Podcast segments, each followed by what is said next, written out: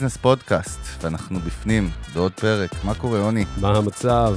בסדר גמור, נפלא. אז קודם כל תודה לכל המאזינות מאזינים שלנו ברחבי הגלקסיה. אנחנו צוות מיוזיק ביזנס, אלון עוני ברק וחגי גולדובסקי, ואיתנו באולפן היום, גדי אלטמן. yeah! בום, בום, בום, בום, בום. alright. ברוך הבא. תודה שהזמנתם, תודה רבה. כבוד הוא לנו. אנחנו שמחים שאתה איתנו. ולפני שנצלול לתוך הפרק נתחיל בחסות שלנו.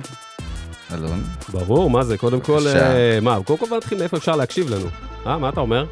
חסות נשאיר לך, אתה טוב בחסויות. כן? אני איש החסויות? בטח. יאללה. בוא נתחיל בזה שקודם אפשר להאזין לפודקאסט שלנו בכל פלטפורמות הסטרימינג. אם זה ספוטיפיי, אה, גוגל פודקאסט, אפל פודקאסט, סטיצ'ר, ויש לנו גם אתר. דיזר. מיוזיק, דיזר גם, יש לנו גם אתר שקוראים לו מיוזיק. musicbusiness.co.il. אנחנו שם, חפשו אותנו בעברית גם, בכל הפלטפורמות הסטרימינג, יאללה, דברו איתנו. כן. אה, ובאמת הפודקאסט בחסות אולפני פלוטו, כמובן שזה הבית של הפודקאסט. אנחנו היום בחדר האומנים, חזרנו למעלה, yeah. חזרנו קצת לעניין.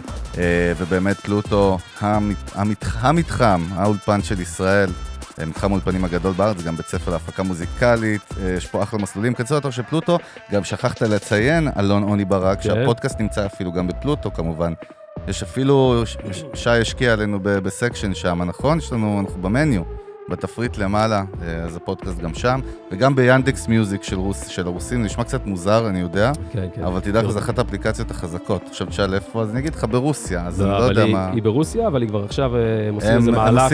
והם מגיעים לארץ, וגם בקיצור- ביוטיוב, אגב. כמובן, הפרק הזה עם גדי, כמו כל הפרקים של מיוזיק ביזנס, עולים בערוץ שלנו ביוטיוב, בווידאו, ויאללה. גדי, היי, היי, אחרי העניינים? ההקדמה הארוכה שלנו, המיילים. בסדר גמור, אחי, כבוד לכם, אתם מרימים למוזיקה ולמוזיקאים, וזה כל כך חשוב לתת במה ל- למקצוע שלנו. לא מדברים עליו מספיק, לא נוגעים בו מספיק, לא מתעסקים איתו מספיק, וכן ירבו. אנחנו Yeah. עושים עבודה מצוינת, כבוד ריספקט. תודה רבה. תודה. כמה שילמת לו על זה, דרך אגב? לא, לא, לא, זה לגמרי בחינם, זה בא... לא, זה היה טוב- זה היה טוב מדי, זה היה... on the house, אני יכול יודע, להמשיך. יודע. בכבוד, אחי, אנחנו בכבוד. אז, אחי. אז אה, קודם. כל, למי שלא מכיר את גדי אלטמן, אה, בוא תספר קצת ממה, אתה יודע, את ה bio in a nutshell מה שנקרא אה, בחצי דקה. תראו, חצי דקה היה קשה להכניס את זה, אבל אני- אנסה- לקצר. אני יליד 78. אה, זה אומר שבתור טינג'ר פגשתי את שנות ה-90 head on, אה, וגדלתי על, אה, על הסולנים הכי גדולים, אתה יודע, מ Guns and Roses ו Metallica ו Pearl Jam, והיה את כל המשדרים הראשונים האלה של ה... של ה- שעשו ל- לזכרו של פרדי מרקורי, ואתה יודע, כל הבמות הגדולות האלה, הפיצוצים האלה, וזה בעצם הוויז'נים הראשונים שגרמו לי לרצות להיות מוזיקאי ו- ו- ולעמוד על הבמה. אה, כמובן שהייתה לנו להקת נוער בקיבוץ, אני קיבוצניק מקיבוץ מגל, ואת רוב השנים הצעירות שלי העברתי עם החברים במקלט, מנגנים, מופיעים, מסתובבים ועושים אחלה כיף, ואז שהגיע הזמן ללכת לצבא, הלכתי ללהקה צבאית, חיל חינוך in the house, baby, baby. Yeah. שמה פגשתי את דני רובס, הוא לימד אותי איך הופכים להיות singer songwriter, מה שנקרא במקצועי, ושם למדתי את ה craft. אחרי זה, מיד אחרי הצבא הקמתי את הלהקה הראשונה שלי, בוטן מתוק בקרקס. בהמשך גם נסעתי לחו"ל ביחד עם גבע אלון, הקמנו את להקת ה Flying Baby, ועשיתי את זה במשך כמה שנים, והיה כיף נורא. חזרתי לארץ בגלל שבוטן מאוד הצליחה, ושאול בעצם אה, אמר לי, תשמע, יש פה ביקוש שאתה חייב ל... איזה שאול, למי לחזור." שלא שאול יודע? מזרחי ממועדון הברבי. הברבי.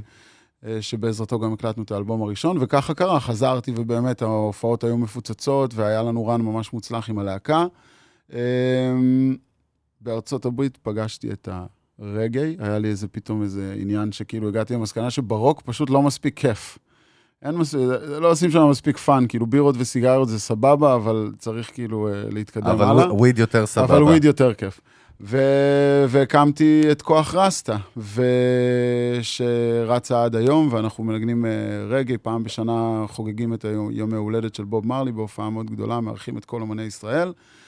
וזה אני בקצרה, אה, ותכף אנחנו נמשיך אה, איפה אנחנו היום. ו- ואני אגיד לך גם שאתה יודע, מי שאני אני כבר עוקב אחריו כזה מלא זמן, רואה את כל הדברים שלו, וקודם כל, הוא יזם, אחי.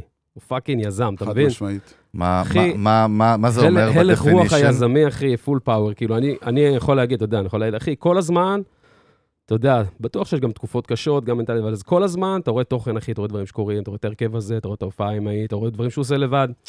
כאילו, לא רואה בעיניים, אתה מבין? לא רואה לייצר, בעיניים. לייצר, זה כל נורא. נורא, זה נורא נורא חשוב. וב... כן, כן, ואחד הסיבות שגם היה חשוב לי לבוא לפה, זה באמת בשביל, אה, אתה יודע, לשתף, אם אני יכול, במעט, במשהו, ולתת לדור הצעיר שנמצא מתחתנו, כאילו, אה, קצת בראש, ו- ולפתוח להם את העיניים. אני בטוח שהם גדלים באחלה תקופה, אבל אני חושב שהם כן באיזשהו חסך מוזיקלי, כי אנחנו גדלנו בתקופה שמוזיקה פשוט הייתה...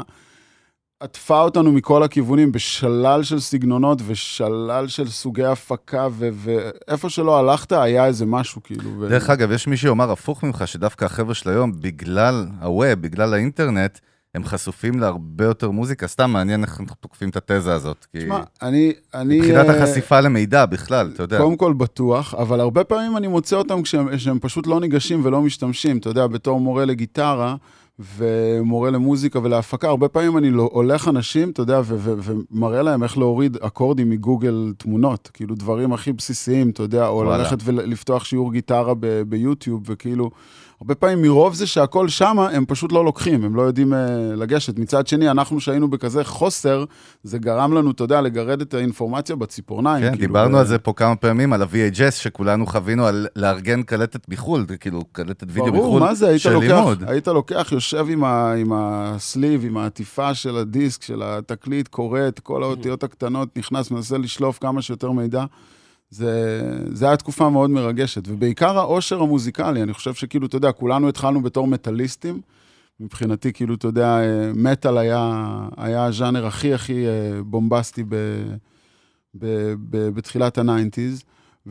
אבל זה היה מדהים שהיית, כאילו, אם היית הולך לבן אדם לארון דיסקים שלו, לזה, אז היה שם, אתה יודע, כאילו, גם פאנק, וגם גראנג', וגם מטאל, וגם אולי הוא היה שומע קצת היפ-הופ, וגם אולי, היה איזה מין מיקס כזה, אתה יודע, תמהיל כזה בריא, שאותי נורא פתח. אני היום, כאילו, אם תשאל אותי, אה, אין לי מוזיקה שאני לא סובל, אין כזה דבר. אתה לא יכול לנגן לי איזה משהו ואני אגיד לך, "אה, זה, זה עושה לי זעזועים, כאילו. מה, זה אה, statement, אה, זה ה statement hardcore. אני זה חינכתי, אני, תשמע, זה. אני חינכתי את עצמי לזה, כי מוזיקה זה מקום להנאה, אתה יודע, ברור שיש דברים שאתה פחות מתחבר אליהם, ברור שיש דברים שהם פחות לטעמך, אבל אני כאילו רוצה להיות מסוגל, בתור גם מוזיקאי ומפיק, להיות מסוגל לשמוע את הכל, לתת איזושהי דעה, אם אפשר שיהיה output פוזיטיבי, כדי שאנשים יוכלו להתקדם מזה, גם אם אתה לא אוהב את זה, אולי למישהו אחר זה כן מתאים, אז בתור מפיק, גם אם זה לא הכוס תה שלך, תעשה טוב לזה ותתן לזה להמשיך הלאה, אז uh, אני תמיד משתדל לשמור את זה מאוד מאוד פוזיטיבי ופתוח. זה גם, זה מה שנקרא בעצם, זה שני, שני או שתי, fuck it, אני בחיים לא אצליח להביא את זה. נכון. מוזי- מוזיקה- מוזיקה למוזיקאים. בוא נשמע מה המילה. כן. שתי סוגי אוזניים, מה שנקרא, יש את האוזן המקצועית ויש את האוזן בעצם של ה passion שלך, של מה שאתה אוהב או לא, כמו באוכל, בטעם, מה שנקרא.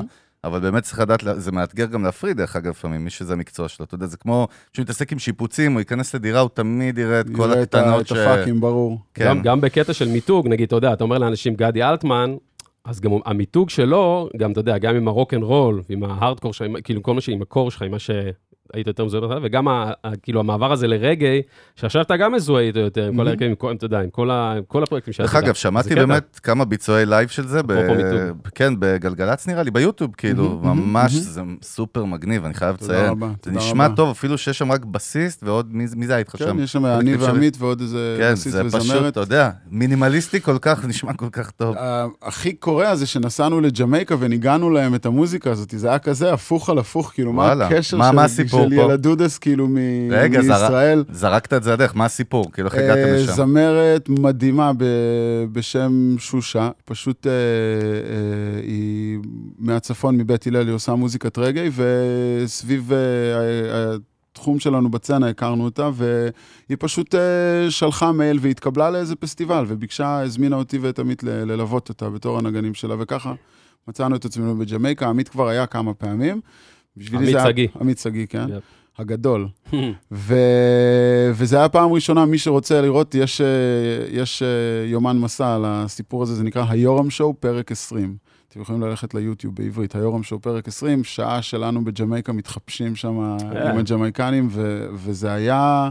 זה היה מדהים לגלות כמה הם היו פתוחים לזה, זאת אומרת, זה, זה הזוי כמו שאתה יודע, איזה ג'מייקני יבוא לפה וינגן לך, אתה יודע, מוזיקה ארץ ישראל. לא, זהו, אז פה זה קצת מוזר, כי אם אני חושב על ג'מיקני שיבוא נגיד ויעשה לי זוהר ארגוב או אייל גולן, לא יודע, זה כאילו, אני מעדיף מה שנקרא את, ה, את המקור מפה. את האורגינל. מעניין איך הם אוכלים את שמע, זה שם, הם- אתה יודע. הם פשוט, כאילו, יש להם את זה כל היום. הם, הם, הם פשוט קיבלו את זה בצורה בלתי רגילה, כאילו, הם, הם. זרמו על זה, וגם, וגם בהרבה פעמים, אתה יודע, אנחנו מאוד אינטו בוב מרלי, כאילו, ממש, אז הרבה פעמים כשאתה מנגן להם דברים קצת יותר אה, דיפ שלהם, אז אה, רובם, כאילו, אתה יודע, לא, לא. כזה, הם גם לא כזה מכירים את זה, אתה יודע, כאילו, אה, הם אה, יותר ב...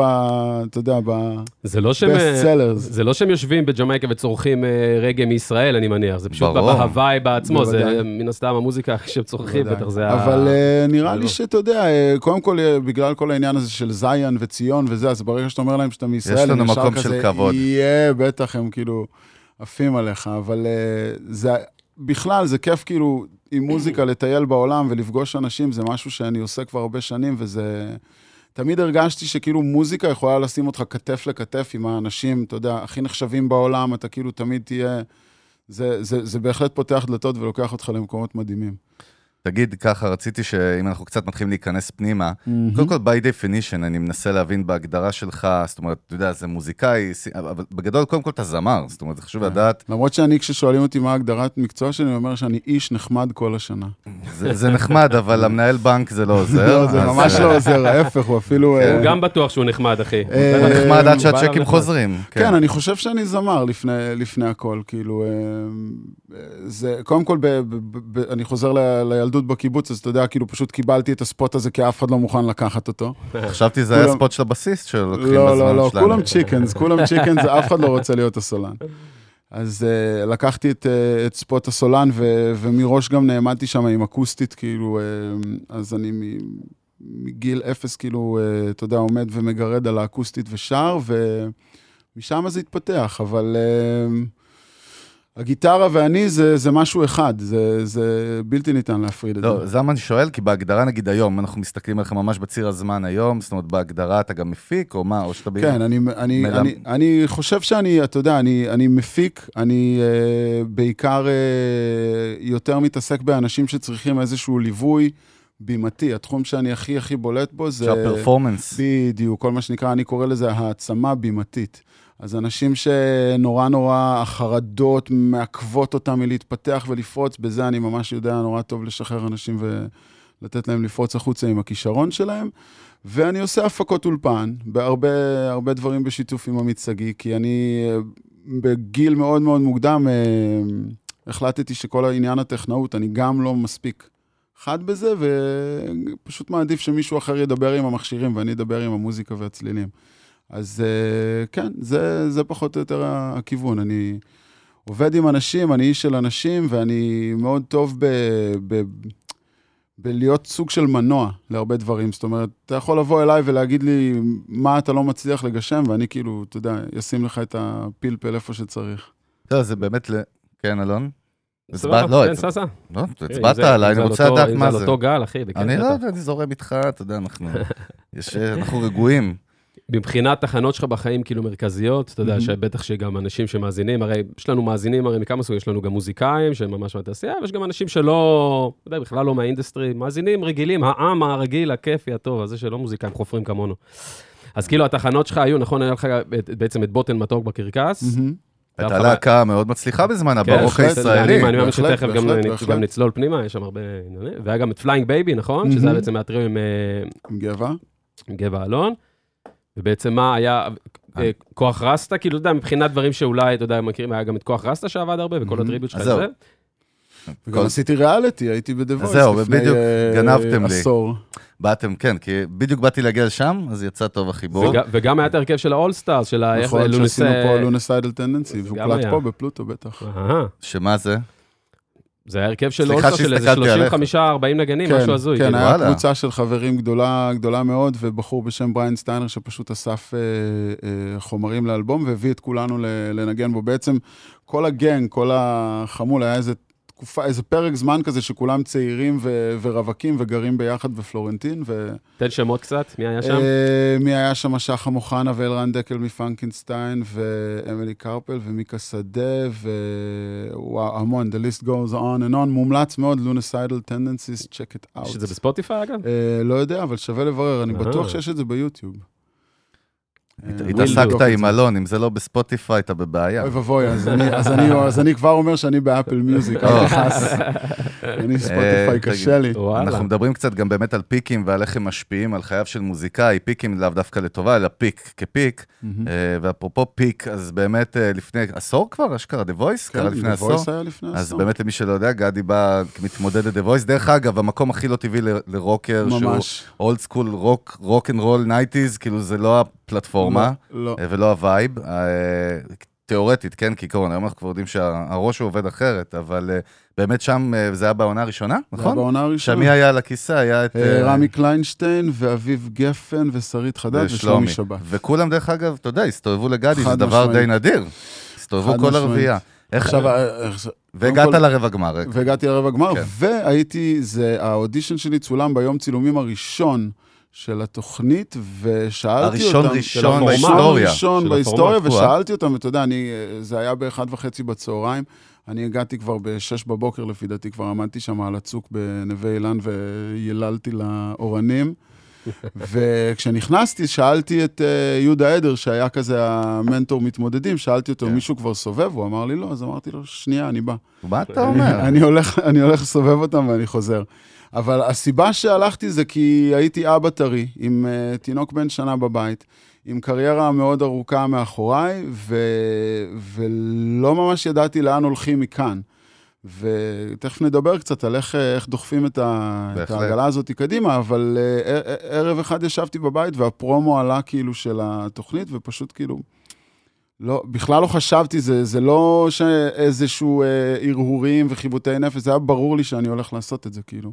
אז זהו, מה שה, שרציתי... שהמטרה שלי הייתה חשיפה, בסך הכל, אה, אתה יודע, הרגשתי שאני בתור רוקר ובוטן וזה, אז הכירו אותי אולי, אתה יודע, בתל אביב הרבה, והיה לי קצת מעריצים בחיפה ובבאר שבע, אבל רציתי להתחיל לפתוח את המניפה ושיכירו אותי יותר בכל הארץ, ו... אז וזה- זהו, שמענו על זה דווקא כמה דברים אה, מכמה אנשים שהיו ב-The Voice, כל אחד יש לו איזושהי דעה אחרת על האימפקט שזה עשה, אחד מזה היה peak של שתי דקות, אחרים אומרים אחרת, מעניין אותנו דווקא איך business wise זה, זה סייע לך. תשמע, אני קיוויתי שזה יעשה יותר. זה עשה, קודם כל זה עשה המון, אתה יודע, באמת הכירו אותי, ובשנים שחלפו לזה, אתה יודע, הייתי מאוד famous, אתה יודע, on paper נקרא לזה, אתה יודע, זה מאוד קל, כי כשאתה נכנס למקום, או שאתה רוצה לסגור הופעה, יודעים כבר מי אתה, והצלחתי בהחלט להעלות את ה... להקפיץ את המחירים של, ה, של ההופעות שלי. ב...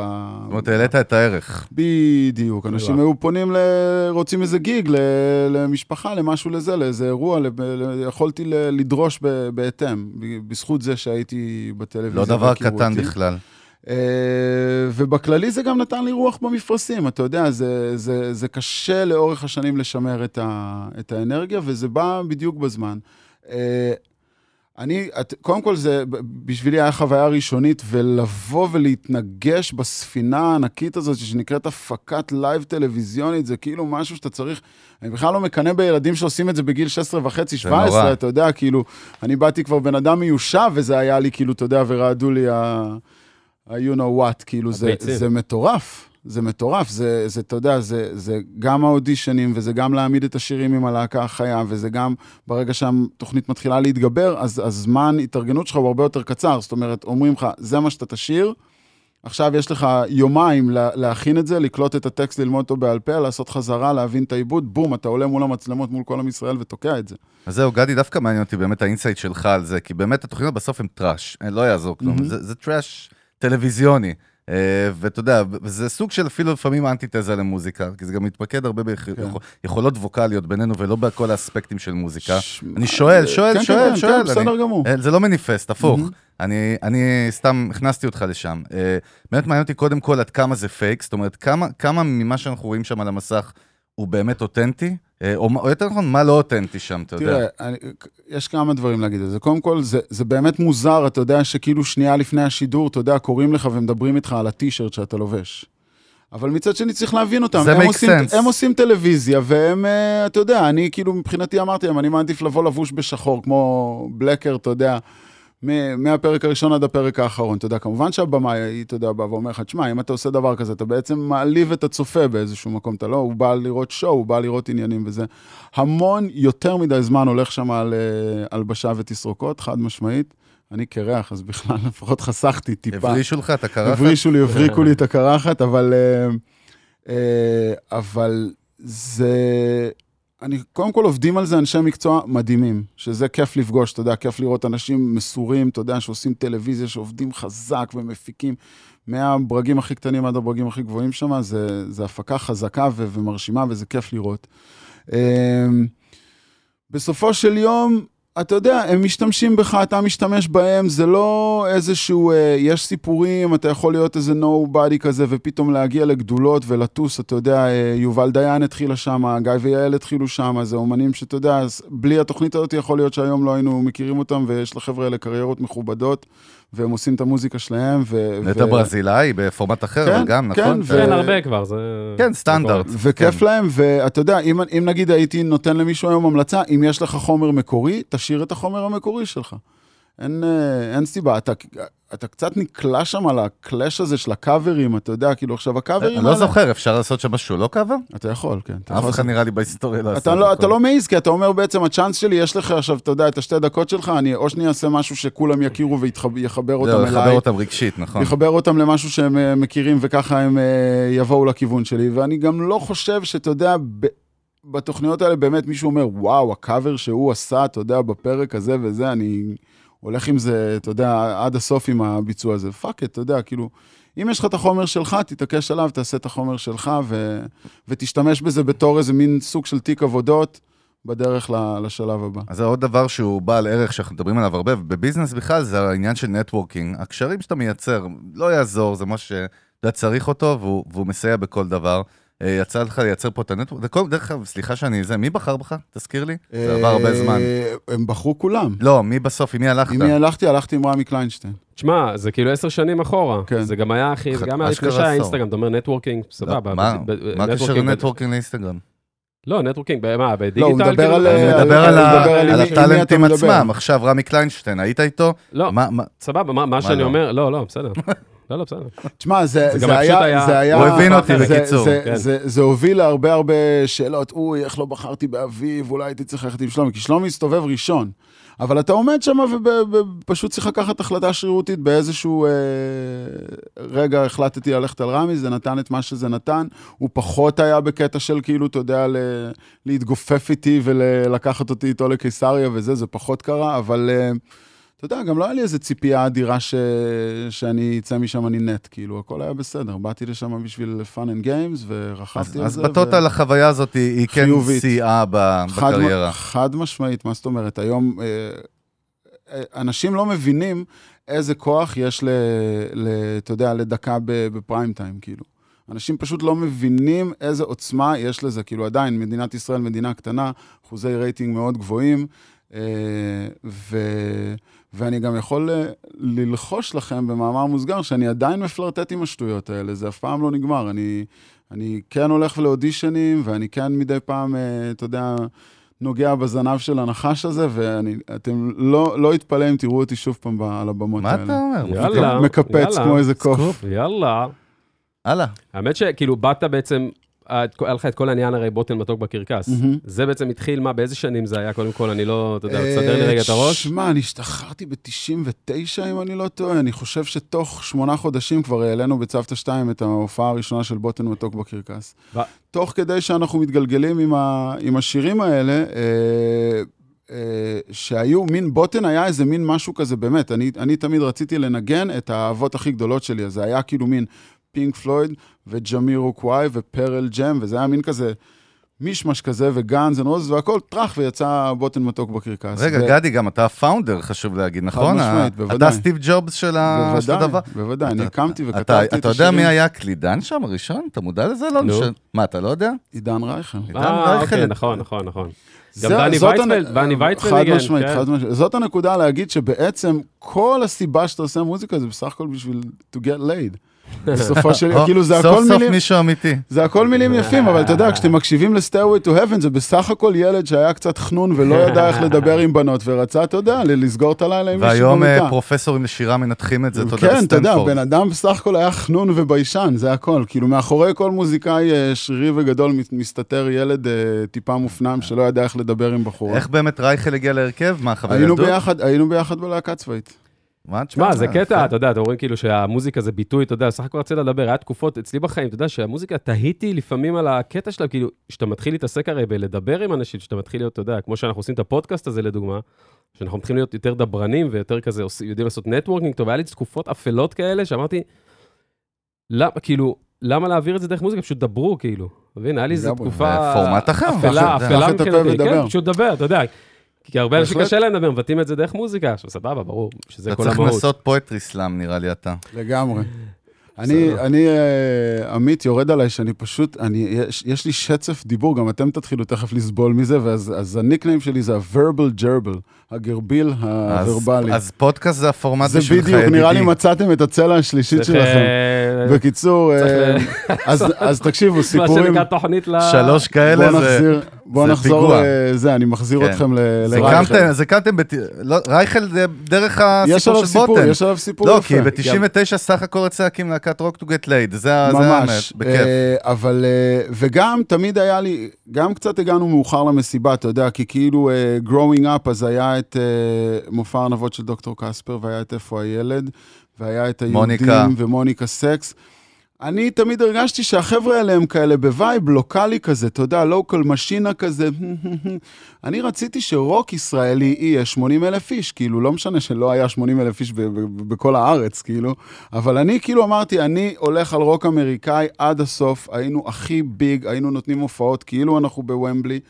וזה היה, זה מה שניסינו להביא, ועד היום יש הרבה אנשים שאתה יודע, זוכרים את ההופעות הראשונות האלה בברבי כ- כרגעים אה, מכוננים. קסומים, כן. אז אה, בעצם לפי מה שאתה אומר, נוצר פה איזשהו base מאוד חזק של מעריצים, נכון? נכון, אנשים הלכו איתנו ו- ומילאו את המועדון ערב-ערב, וגם הטריק שעשינו ב- בלית ברירה זה שניגענו את אותם 12 שירים. כל הזמן.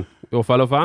זה- בדיעבד, זה, זה כאילו קרה כי לא היה שירים, רגע, לא אם- היה שירים אם ההופעה. נגיד הייתה שעתיים, אז אחרי ה-12 התחלתם את אחד עוד פעם? לא, היה שירים, ש... היה שירים של שבע דקות. בדיחה לא מוצלחת. לא, לא, אחי, זה היה זהו, אבל היה שירים של שבע דקות, והיה סולו Rhodes, וסולו Hammond, וסולו גיטרה, ו... ו... ו... ומוגים, ועניינים, וכאילו, ידענו איך למשוך את זה, אבל איכשהו יצא שה-12 שירים האלה הרכיבו את המופע המדויק והמושלם. האידיאלי, כן. אנחנו במשך קרוב לשלוש שנים, פשוט לא הפסקנו לנגן את אותו מופע. אשכרה. אז מה שקורה זה שגם הנגנים כבר מכירים אותו בעל פה לגמרי, אתה אפילו לא צריך רשימות שירים וזה, כולם פשוט משפריצים את ההופעה, אתה יודע, מה... אפשר להתפנות לשואו. בדיוק, והקהל מגיב לזה.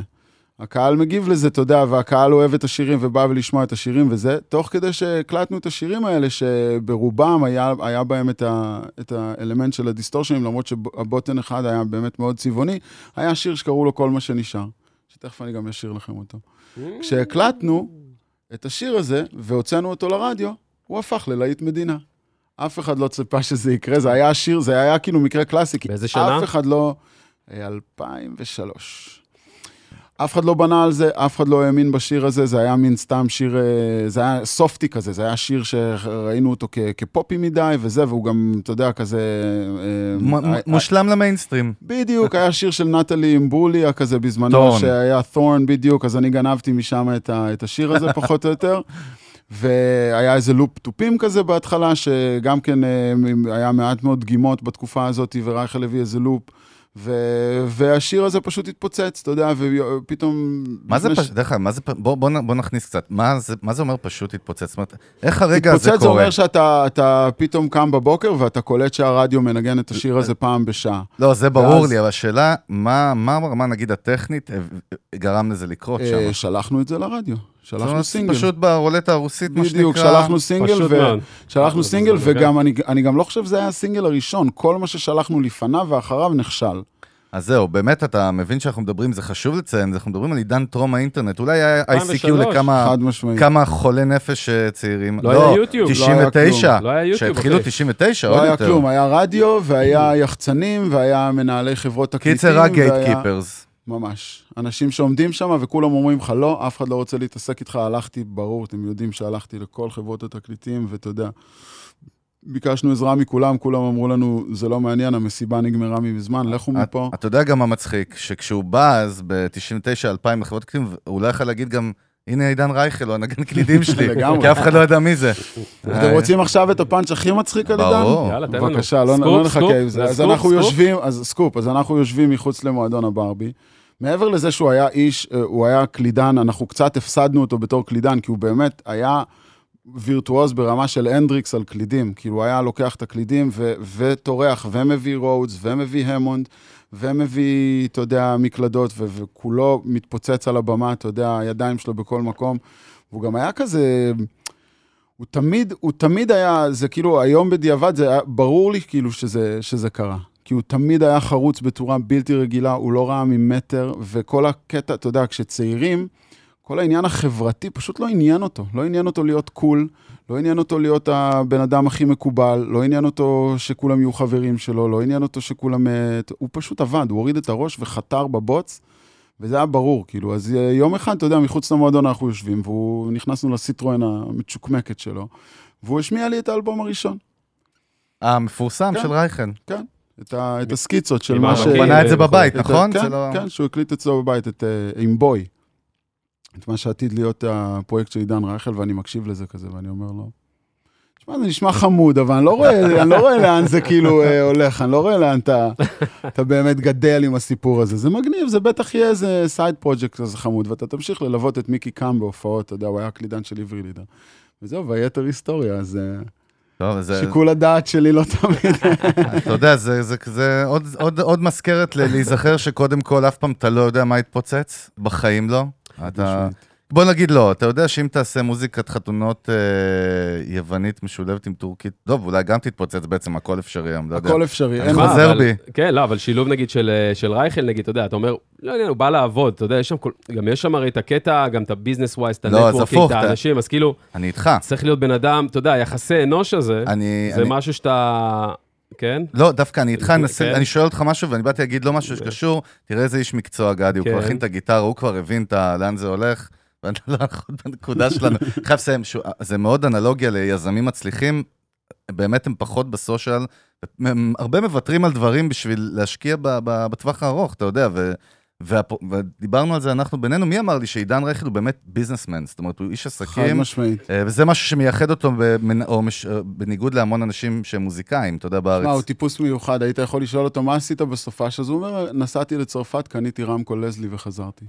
אז זה היה שם כל הזמן, זה לא סתם מתפוצץ, זה מה שאני בא להגיד, אלון. רגע, אז גדי... אני בא להגיד, אני בא כן. לדבר על יחסי אנוש כ- כמשהו, כאיזושהי תכונה, איזושהי תכונה שהיא חשובה, שהיא סופר חשובה. חשובה למה? חשובה, אחי, ל- להתקדם ולהתפתח, אחי, במיוחד במוזיקה, אתה יודע, יחסי אנוש. יש תמיד אנשים מאוד זה. מצליחים שהם פח ביחסינו. אחי, אבל דיברנו על זה גם, גם בעבר וזה, אבל יחסי אנוש זה גם תכונה שהיא נרכשת. זאת אומרת, אתה יודע, לא כל אחד חייב להיוולד, אחי, להיות עכשיו, אה, אתה יודע, הגבר הזה. אני לא מסכים זה איתך משהו- בזה. אני לא ראיתי מישהו שצריך לשנות אה, תכונה כזאת. זה אחלה אם יש לך את זה, אחי, זה אחלה אם יש לך, מן הסתם, זה אנחנו פלוס, מכירים אחי, מישהו סופר, משותף אבל, שהוא פח ביחסי אנוש והוא לא ישתנה, כאילו. אחי, אבל זה- יחסי אנוש זה משהו שאתה יכול לעבוד עליו, אני חושב שזה קרושל, חד מה משמעית. שנקרא. אחי. כן, גדי, אתה גם- מסכים, אלון? אה, לא, אני אגיד לך מה, קודם כל אתה נולד... מה זה לא? אתה, לא, אתה נולד... הוא אתה מסכים נולד- איתך. אני מסכים איתך, אבל אתה נולד מוזיקאי, צריך לזכור שכאילו יש הרבה דברים שבאים אחר כך שאתה לא ראית אותם מגיעים בכלל. ביזנסמן וסושיאל מן, ואתה יודע, זה דברים שאתה צריך לקלוט אותם תוך כדי. אני, אחת הסיבות שזה קרה לי כל כך, הצלחה באה לי כל כך מוקדם יחסית, היה לי קשה לנהל את זה, אתה יודע, היה לי קשה גם להבין כמה זה נדיר מה שקרה, וכמה צריך לשמור על זה בכפפות של משי. שמע, זה לא תמיד קרה. אתה גם מתעסק, הרי יש לך אג'נדה גם בחינוך ובקטע של לחנך את הדור. אני חושב שזה הדברים אולי הכי חשובים היום, שאתה יודע, אם יש בתי ספר למוזיקה, או לא משנה, או מוזיקאים צעירים, או להיות מנטורים של אנשים.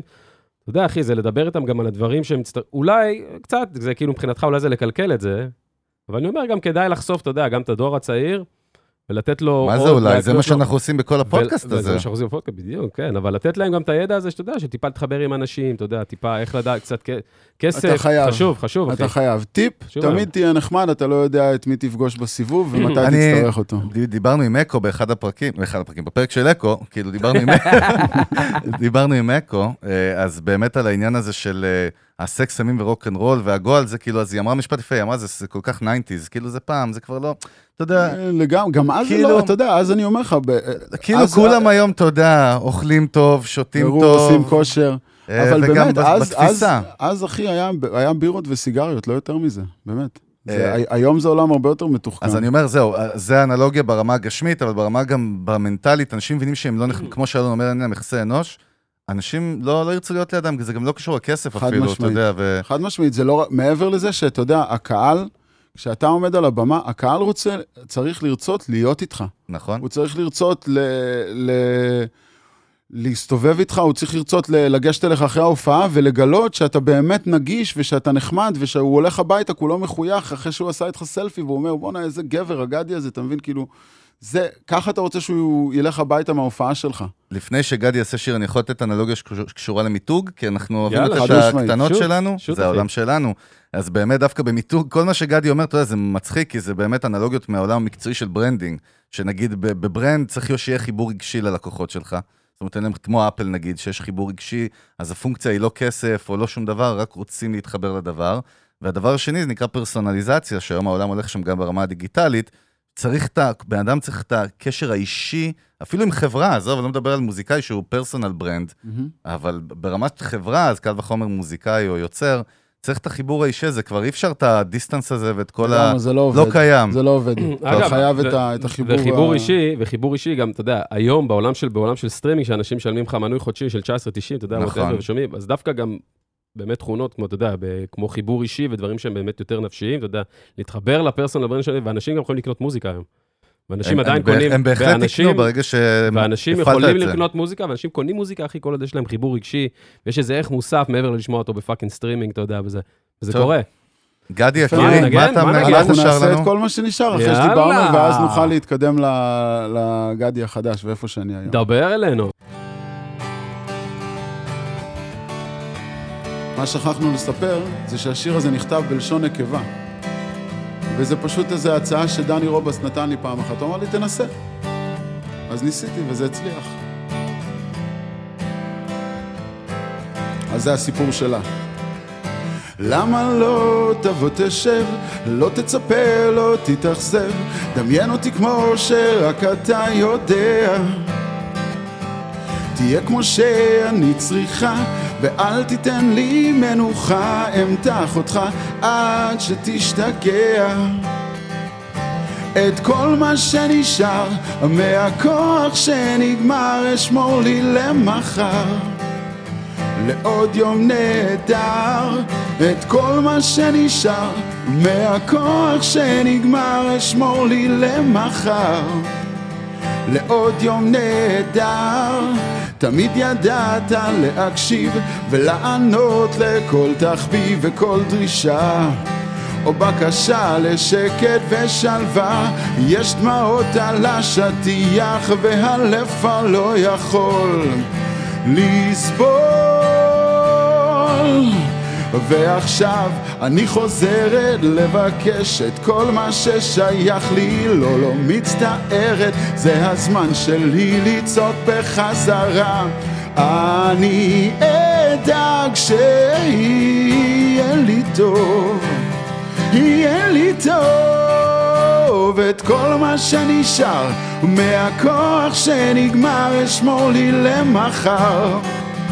לעוד יום נהדר, את כל מה שנשאר מהכוח שנגמר אשמור לי למחר. לעוד יום נהדר, את כל מה שנשאר אשמור לי למחר. לעוד יום נהדר, את כל מה שנשאר מהכוח שנגמר אשמור לי למחר. לעוד יום נהדר. איזה יום נהדר. וואו,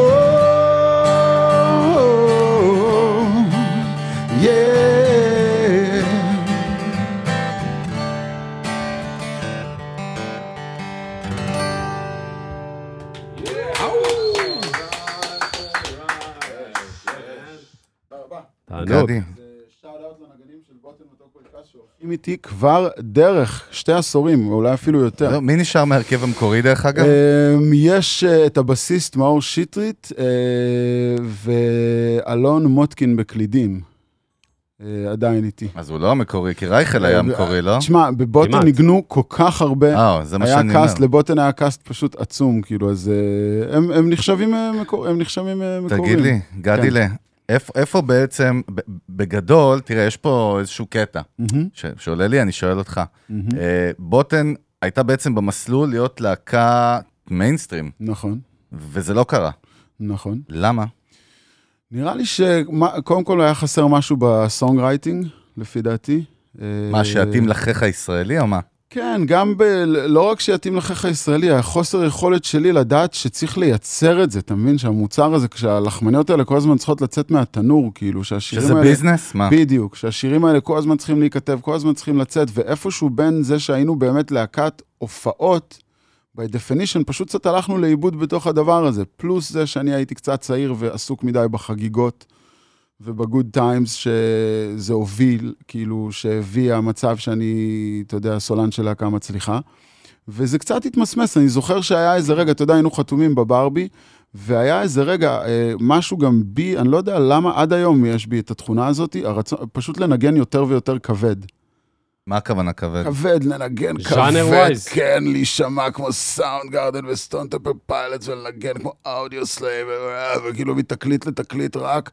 כל, זה, כאילו, אתה יודע, אם אתה עוזב אותי בשקט, אני ומאור הבסיסט, פלוס המתופף, אתה יודע, אנחנו רק חובטים ריפים, אנחנו נכנסים לחדר, עד היום, אתה יודע, אנחנו בני 42, נכנסים לחדר חזרות, פותחים את המגברים על 11 ומנגנים ריפים כבדים עם הגיטרות, זה כאילו, אין דבר יותר כיף שאפשר לעשות, אתה יודע, כאילו, אז... אה, כנראה שאתה יודע, אנחנו לא היינו, אנחנו בעצם לא היינו הדמויות האלה שה, שהלהקה והתעשייה חיפשה. אנחנו לא היינו האנשים האלה שמסוגלים לעמוד שם ולנגן את ה-nice tunes האלה, אתה יודע, את אבל ה... מצד שני, עצם מה שאתם עשיתם הוביל אתכם לדרך ההיא, זה מה שאני לא מצליח כל כך להבין. תשמע, אני כאילו- זוכר ש... אני זוכר ש... אה, אה, שהיה איזה רגע ש... ש... שאמרנו, אוקיי, לאן הולכים עכשיו? ושאול אמר, בוא נעשה אלבום אקוסטי עם כינורות. ואני אמרתי לו, אנחנו עוזבים את הלייבל, אנחנו עוזבים אותך, כאילו, אתה יודע, כאילו... זאת אומרת, ובדיעבד, יכול להיות שאם היינו עושים את זה, היינו, זה היה קורה, אתה יודע, והיינו, והיינו מצליחים למצוא את, ה, את החיבור לקהל, אתה יודע, ואת ה, את הדרך להמשיך הלאה, אבל אנחנו פשוט רצינו פשוט להתפוצץ על הרוק, ולא היה למי למכור את זה בתקופה ההיא. אני חושב שזה בעיקר למה שזה קרה. יס. אה, וגם, אני חושב ש... אחד הדברים ש, שעבדו לטובתי ולרעתי זה שמכיוון שזאת הייתה להקה, אבל זה בעצם היה אני, אני חושב שכאילו, זה שם יותר מדי, אתה שם את, ה, את, כל, ה, את כל הכוח, ב, את כל הביצים בסל אחד, אבל ב, ב, בלהקה, אז יש עוד מוחות, ועוד אנשים יכולים להחליט, ועוד אנשים יכולים אולי, אתה יודע, לקבול על איזו החלטה שלך שהיא פחות טובה. או, זהו, כמו שאני אוהב לשאול, אתה היית ה-CEO? אני הייתי ה-CEO, וזה כן. גם היה, היה קצת, אה, קצת אה, הכשיל אותי גם. כן, לפעמים טוב להביא אה, מנכ"ל מבחוץ. בדיוק, יכול להיות שאתה יודע, הרבה פעמים, הרבה פעמים גם למשל, אתה יודע, ב- בלהקות שהקמתי אחרי בוטן, היה נורא חשוב לי שזה יהיה יותר לשחרר את המקום הזה, שזה הכל אני אני, אלא שאתה יודע, כוח רסטה למשל, זה, אתה יודע, קראנו לזה ניסוי אנתרופוסופי בכלל, אתה יודע, זה כאילו, זה פשוט קבוצה, אתה יודע, זה כולם באים, כולם מחליטים, כולם זורמים, כולם אין כזה... זה כבר מהניסיון חיים שלך, ודאי. בדיוק, אבל אה, אז יכול להיות שבבוטן הצעיר היה שם קצת מהדבר הזה, שזה הכל היה עליי, ואני לא הייתי מספיק אה, חד ב- ב- ב- בנקודה מסוימת ל- לקחת את זה לאיפה שזה צריך. ובוא נקפוץ להיום, אחי. אתה יודע, יאללה. אם אנחנו לוקחים את לקחי העבר, או בכלל את כל הדברים זה האלה. קפיצת כל בנג'י. הדברים שלמדת בדרך יאללה, וזה, קודם. כל, מה קורה היום? דבר איתנו. מה, הי- כל- יצא שיר חדש. היום, אה, יצא- מה, זה, מה זה שיר חדש? יש יצא- הופעה חדשה יש- ומקבץ חדש ולהקה חדשה, ואני אה, במשך כמה שנים אה, אה, שגידלתי את המשפחה הצעירה שלי, אה, היה מאוד מאוד קשה, אתה יודע, גם להתעסק עם ילדים קטנים וגם אה, ליצור. היום הילדים שלי קצת אה, גדלו, והגעתי למצב ש... שחזרתי לכתוב, נורא חיכיתי לזה. אה, כמה שנים מאוד ארוכות לא התעסקתי עם כתיבה בכלל, עשיתי הרבה דברים אחרים, בעיקר פרנסה. אה, אני מלווה את סבלימינל בגיטרה. אה, בהופעות שלו ונהנה מזה מאוד, ומתפרנס אה, הרבה שנים בתחום האירועים, בכל מה שזה להקות אירועים וחתונות. באמת? ו... מה, כן. איזה, מה, איזה להקות? כאילו, יש מה- להקה שנקראת ביט בנד, ויש להקה שנקראת מוקה, ויש הרבה דברים שאני עושה גם בעצמי, ופשוט התמזל מזלי לפגוש את האנשים הטובים האלה, שפשוט יכלו לחבר את היכולות שלי עם פרנסה. שבתור, אה, אתה יודע, כל עוד שאתה מתעסק במוזיקה מקורית, אתה לא ממש יודע איך להביא כסף מזה אם, אם אתה לא בטופ. אתה יודע, זה מרתק מה שגדי אומר, ואני אני מח- כל כך מכבד את זה שהוא מצד אחד בכאלה מקומות בקריירה שלו הגיע ואפילו גילה אחרים, מצד שני הוא לא מתבייש להגיד לך, אני הולך, אתה יודע, זה, יש מוזיקאים, שוב, זה איזשהו טמטום כזה, או איזשהו אגו, או איזשהו בושה, או לא יודע איך תקרא לזה. אתה יודע, רק להגיד להם, אני גם מנגן בלהקת אירועים, זה כאילו עושה איזה סליזי פתאום. אני מהניסיונות זה לא, שלי... זה כן, כן, מיסקונספציה כן. ודאי, אני בא לנפץ אני אותה. מהניסיונות שלי, פשוט כל פעם שניסיתי לעבוד במשהו אחר, זה נגמר במ- במאסר כמעט, אתה מבין? אה. אז כאילו, אז באמת עדיף לכולם. כאילו, אני, אני מהעובד אה. הקלאסי הזה, שאתה יודע, אני בא ביום הראשון בזמן, עושה, עושה רושם טוב, ביום השני אני מאחר בחצי שעה, וביום השלישי אני לא בא. גם, גם תמיד כאילו, ב, גם ב, ב, בקורות חיים, כאילו שאנחנו, אנחנו הגברים, גם אנחנו אנשי משפחה וזה, זה דווקא זורק את זה למקום אחר. כאילו, אולי אני לא, מאיפה אתה יודע? מכיר אותך אתה, עזוב. תמיד אנחנו זורקים את זה, כן, וגם אה, הקמתי משפחה על הדרך, כאילו אנשים לא מבינים, רווקים או חבר'ה צעירים לא מבינים גם כמה זה שואב, וואלה, לעשות משפחה. כאילו איזה עבודה, זה fucking... חבל על הזמן, זה לא רק זה זה. לא איזה, זה לא איזה, כן, ועשיתי משפחה תוך כדי, ונולדו, יש לי ילדים בדרך, והמשכתי להופיע, וזה בואנה, זה fucking, זה בטון, לא, זה, זה... אתה צריך לבחור, אתה צריך לבחור בכוח לצאת בערב מהבית, זה כבר נהיה סרט אחר גדי, לגמרי. תגיד לי, כאילו מוזיקאים, אתה יודע, גם מוזיקאים חבר'ה צעירים, גם שהם גם מקשיבים פה. הופה, נעלם לי הכל. משהו התנתק. נעלם לי. הכל. אה, אני, אני חושב שאלון, אתה עם הרגליים, יש מצב ניתקת את? החשמל של המגבר אוזניות פשוט? אני רואה אותו מכובה. פה זה רץ. אותי שומעים, אז אני אמשיך לדבר. איפה החשמל בר של ה... אתה שומע את עצמך? כן, אני פשוט אקח את התוכנית אה, הוא לא מפה. מקבל פיד תודה מפה. רבה לאלון. המגבר אוזניות מכובה. חשמל. עוד רגע, עוד רגע, עוד רגע. מה. זה לריב? יש פה זה למטה... לעשות איזה פיצוץ זהר. היי, היי, היי. תשמע, אני חי- חייב לציין שגדי ניגן, האוזניים שלי התאדו. הפכו להמבורגר, אתה לא יודע איזה ווליום יש שם. באמת, איזה מוזר, אז אני רוצה את. ה-level שלכם. ואז הורדתי את זה, היה כל כך... אה. חזרתם? חזרנו. יש. יאללה, אה. אני יכול להמשיך את. השאלה, עוני? תמשיך. עוני? יאללה, דבר? דבר. קדימה. אה, אז כן, אני מעניין אותי באמת, אנחנו מנסים פה גם לשבור מיסקונספציות וגם, אתה יודע, להתעמת איתם בכלל, מהמם. בעולם של מוזיקה. למה, לעזאזל, שמישהו יסביר לי פעם, שאומרים להקת אירועים זה כאילו מוריד אותך גרייד למטה. למה? אין לי מושג למה אנשים אבל חושבים אתה יודע על מה אני ככה. מדבר, זה לא, קודם זה, כל, זה תראה, קורה. קודם כל, קודם כל, צריכים להבין, זאת עבודה מאוד מאוד קשה. זה לא צחוק. אתה הולך ואתה מופיע לאנשים ביום הכי הכי מיוחד שלהם. אירוע שהם Real שמו time, עליו, real time. real time, שמו עליו מלא כסף, אתה מכניס אנשים לחופה, כל המצלמות עליך, אתה לא יכול to drop the ball, אתה חייב להיות on top of it, ומבחינתי זה היה בית ספר להתמקצעות. עכשיו, אני אגיד לכם עוד משהו, כשאתה למטה, כל מה שאתה יכול לעשות זה פשוט לתת לעצמך שתי סטירות ולהתחיל לטפס בסולם בחזרה למעלה. ומבחינתי, אתה יודע, אני הסתכלתי על זה בכלל, אני כאילו, אם יש משהו ש, שלמדתי מ, מ, מכישלון ומלהיות למטה, זה להיות צנוע, לכבד את כולם, לבוא בטוב, להביא את הכי טוב שיש לך ולקוות שזה ייקח אותך לשלב הבא. והרבה פעמים, אתה יודע, פשוט לימדתי את עצמי, אתה יודע, שכל פעם שאני פותח את הקייס של הגיטרה, אני אומר לעצמי, איזה כיף שזאת העבודה שלך, איזה ברכה זה לנגן מוזיקה, לעשות את מה שאתה אוהב, ועוד בפני אנשים. ואני כל הזמן חוזר על המנטרה הזאת בהופעות שאני אומר להם, חבר'ה, מבחינתי זאת זכות לנגן כרגע בפניכם. כל איזה- השאר לא איזה משנה. כיף. יש רגעים כיף אבל שאתה... לשמוע את זה. כן, אבל יש רגעים שאתה, גם רגעי משבר, אתה יודע, שאתה מפקפק, בזה, הרי המנטרה הזאת שאומרים, שאנחנו אומרים לעצמנו דברים כל הזמן, אתה יודע מתי? אנחנו שוכחים כשאתה כאילו מנגן, שזה... כשאתה מנגן בחתונה, ב- אוקיי. השנה אין, כי בגלל הקורונה, אבל כשאתה מנגן באוגוסט בחתונה לבוש בבגדים שחורים בש- בשמש, באיזה קבלת פנים של שעה וחצי, והבעונות שלך נמסות לך בנעליים, אז אתה צריך הרבה הרבה...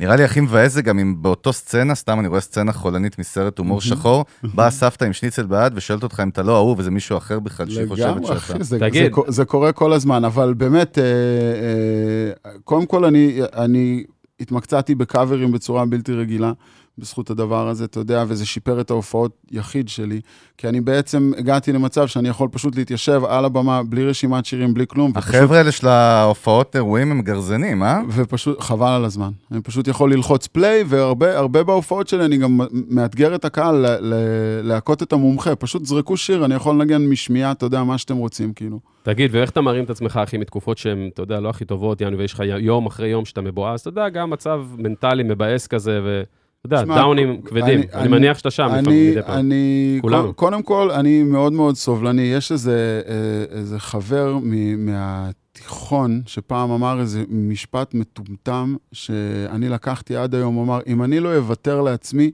מי יוותר לי? תהיה נחמד לעצמך, be kind, אתה עובד מול עצמך, אתה self-contained בתוך המערכת הזאת, אם אתה כל היום תשנא, תכעס, תרד על עצמך, זה לא יעבוד. אתה חייב לפרגן לעצמך, אתה חייב לוותר לעצמך לפעמים, אתה חייב ללקק את הפצעים שצריך, אתה חייב להרים לעצמך. ואני הרבה הרבה, אתה יודע, ב-early years, אנשים כאילו אה, לא, לא קלטו אותי, היו מסתכלים עליי, אומרים, בואנה, הבן אדם הזה שחצן אש, כאילו, מי הוא חושב לעצמו שהוא, כאילו, אתה יודע, הישראלים בכלל לא הבינו את כל הפלקס הזה ש- שבאתי איתו, אבל אתה לומד עם השנים, אתה יודע, לדבר את עצמך, ואני חושב שבאמת, אתה צריך להיות סובלני.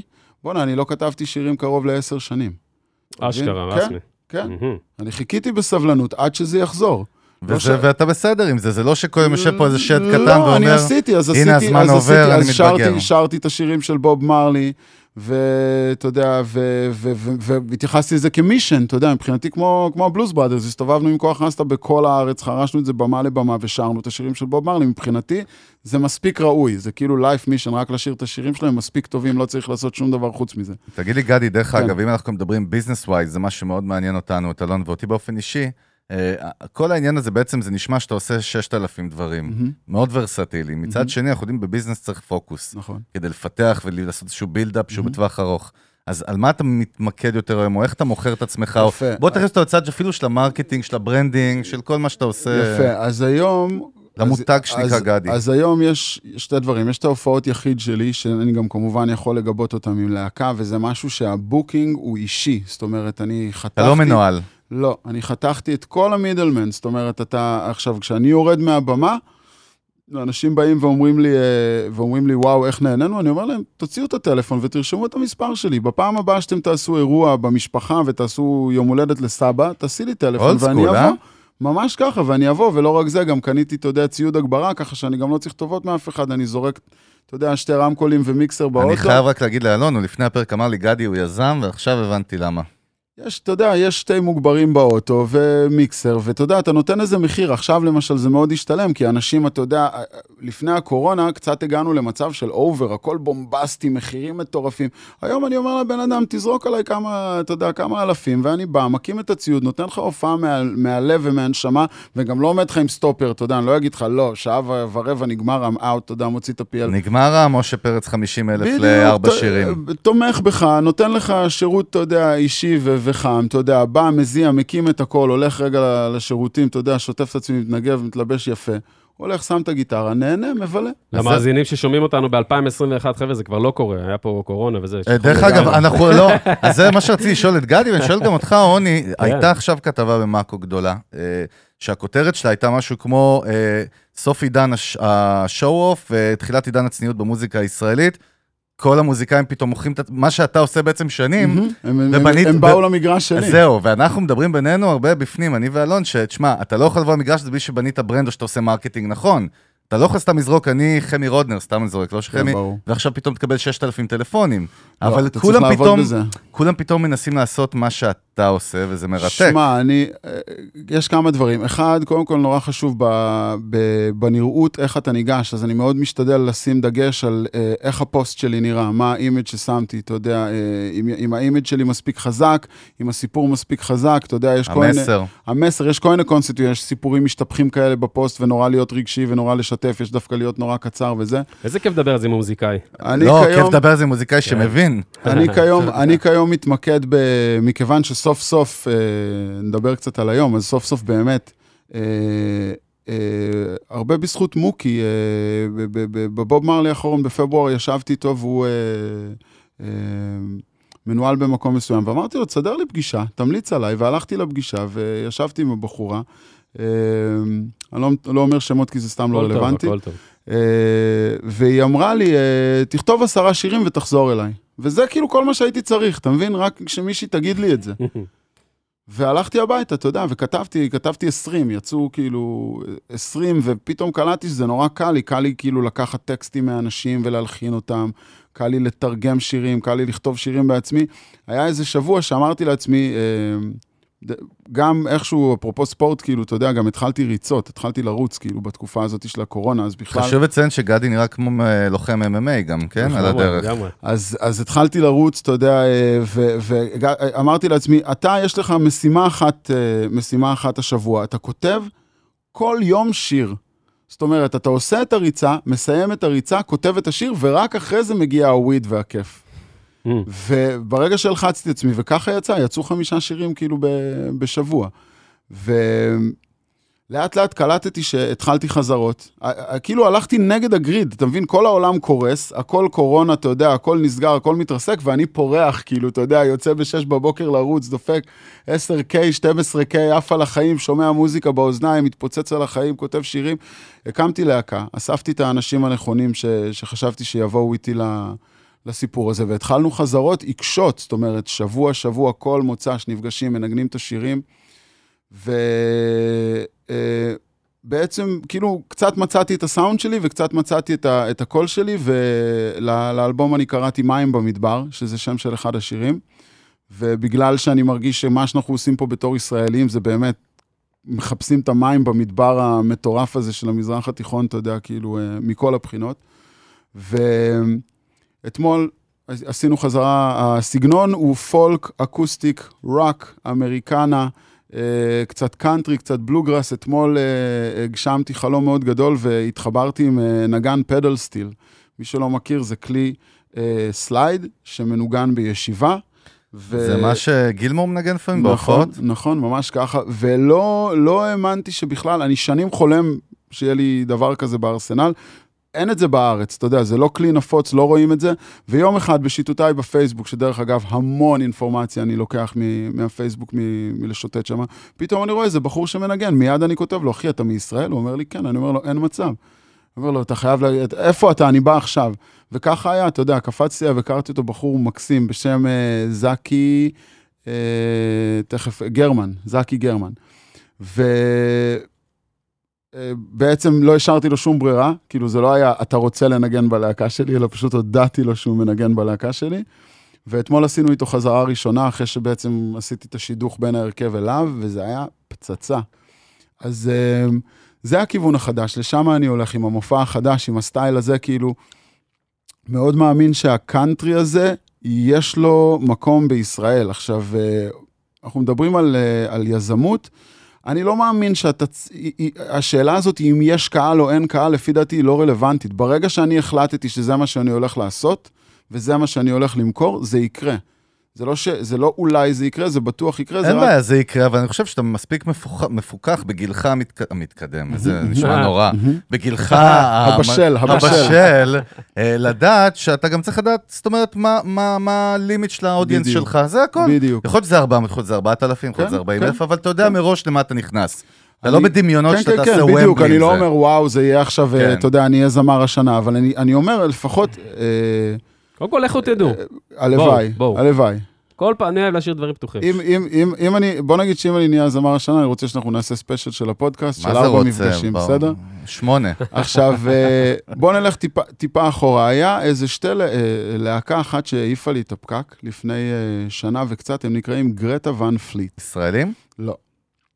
אמריקאים. מי שלא מכיר, פשוט תרשמו ב Apple Music, וואי, וואי, כן, איזה קרב. כן. גרטה ואן פליט, אבל האמת היא, תרשמו את זה ביוטיוב, עכשיו אני אגיד לכם למה, למה הם כל כך העיפו אותי. ומה, למה הם כל כך אה, פיצצו לי את השכל. בסך הכל מדובר בשלושה אחים, אה, חבר'ה מאוד מאוד צעירים, אמריקאים, מאיזה מקום, אה, אני לא זוכר, מאיזה מקום מאוד, אה, אה, שיש שם שלג כל השנה. וכל מה שהם עשו זה ניגנו בגראז' עד שהם הגיעו לרמה שהם נשמעים כמו לד זפלין, אוקיי? שלושה אחים אמרת. שלושה אחים ועוד חבר שלהם מתופף. מאמא אחרת. אה, סתם לא. עכשיו, החבר'ה האלה פשוט מנגנים רוקנרול, בס, תופים, גיטרה, שירה. Old school? Old school לגמרי. השירים פצצה, אני טסתי שנה שעברה לראות אותם באיטליה. תחשוב שמכל מה שיכולתי מה לט- אתה אומר? לטוס, בחרתי לטוס לראות את הילדודס האלה. למה? כי הם פשוט מנגנים, אתה מבין? וזה משהו שלפי דעתי היה חסר נורא מה? במשחק הזה. המשחק כבר הלך לאיבוד בתוך הפקה, וזה חייב להיות עם uh, סימפולים ממרוקו, והדי-ג'יי צריך להיות על אסיד ולנגן על קיטרה, ואתה צריך, uh, אתה יודע, uh, ה- ה- אתה יודע, הנטיות המיניות, כאילו המוזיקה כבר נהייתה כל כך מסואבת, שפתאום ראיתי חבר'ה שפשוט מנגנים רוקנרול והכל בסדר. אתה יודע, גדי מדבר, אז סתם רשם את. השם שלהם, סתם שיר אקראי ביוטיוב, שמצלמים אותם בחדר חזרות, עם מצלמה אחת, 62 מיליון צפיות. תודה רבה. וכאילו, סתם, אני לא יודע, highway tune, אני אפילו... בדיוק, שיר כן. מדהים. ובכל אופן, ופתאום אמרתי לעצמי, כאילו, בואנה, אתה יודע מה? לנגן מוזיקה זה מספיק טוב. כאילו, זה מספיק מיוחד. אבל יש הבדל, גדי, אתה יודע, ברמת האודיאנס, שוב, שאתה באנגלית, כאילו, אז אה, אתה פורץ את המחסומים של ה- גמור, של אבל אני- הקהל. קודם כל, זה בסדר גמור, אבל אני מבחינתי לוקח את זה למקום שכאילו, אתה יודע, אני יכול לעשות את זה פה. אני לא, אני לא, אין לי שאיפות להיות גרטה ון פליט ולצאת לטורים כאילו בעולם, רגע, אתה כותב גם... באנגלית או בעברית היום? בעברית. זהו, בוא- כי אם היית... כן, כן. בוא נעשה שנייה קאט, אחי. כן, שנייה, אני רוצה לראות את המחשב, אני רושם מחשב. אין בעיה. מה קרה? אמ- הוא התנתק? או שזה שומר לא, מסך? זה רק המסך. שומר מסך, בדוק? כן. התחילה השבת פשוט, אז... אה, רץ? רץ, כן. רץ. אז. אה, אז בעצם הסיפור, הסיפור שלהם זה שקודם כל אני כותב בעברית, זה משהו שהחלטתי כבר לפני שנים, עוד שחזרתי מחו"ל לפני הרבה מאוד שנים. אני הרגשתי בחו"ל שזה לא המקום שלי. מעבר לזה שאני גם פשוט אוהב את הארץ ואוהב את העם, אוהב את, את ישראל, ותמיד הרגשתי פה בבית, את למרות השפה. אוהב את השפה, למרות שאני מאוד אוהב את הפוזה האמריקאית הזאת, אתה יודע, ו- ואת הדיבור ואת הפלקס, וזה בסדר. ו... ואני פשוט היום מרגיש שזה לגמרי מספיק טוב לשבת שם עם גיטרה אקוסטית ולשיר שיר. זהו, זה מספיק טוב. זה מספיק ראוי, לא צריך פירוטכניקה, לא צריך, אתה יודע, קליפ ב-100 אלף שקל. זה, זה מגניב, זה יכול להיות כיף, וזה... זה... אני חושב שצריכה להיפתח פה עוד נישה של music, just for the sake of music. מוזיקה למוזיקאים. גדי, מוזיקה, כן. לא, אני אגיד לך, בהמשך למה שאתה אומר, קודם כל, כל מה שאלון ואני, אני בכלל, יותר מאלון, כי אלון הוא ב industry ממש, נחשף לדברים הישראלים שקורים היום, אני עף.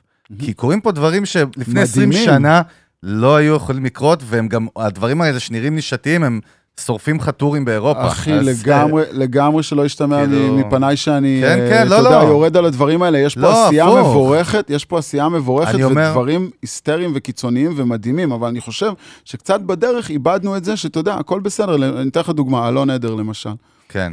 בסדר גמור, אחי, זה, זה, זה פשוט מוזיקה, אתה יודע, singer גבע אלון? גבע אלון.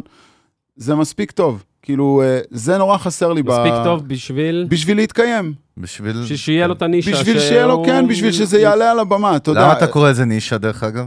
לא, מה זה נישה? כי זה, אתה יודע, נישה לבוא- ביחס למה? אתה יודע, כל דבר זה נישה. זה? רוקנרול, אחי, זה מוזיקה לא, לייב. נישה בהגדרה זה לא כל דבר. נישה זה משהו נישתי. לא, בסדר, שהוא לא נישתי, ב- אני אומר, יש הרבה נישות, זה הכוונה. אוקיי. כל דבר, אתה יודע, כל דבר זה נישה. אין, אין כעס, מישהו כועס פה?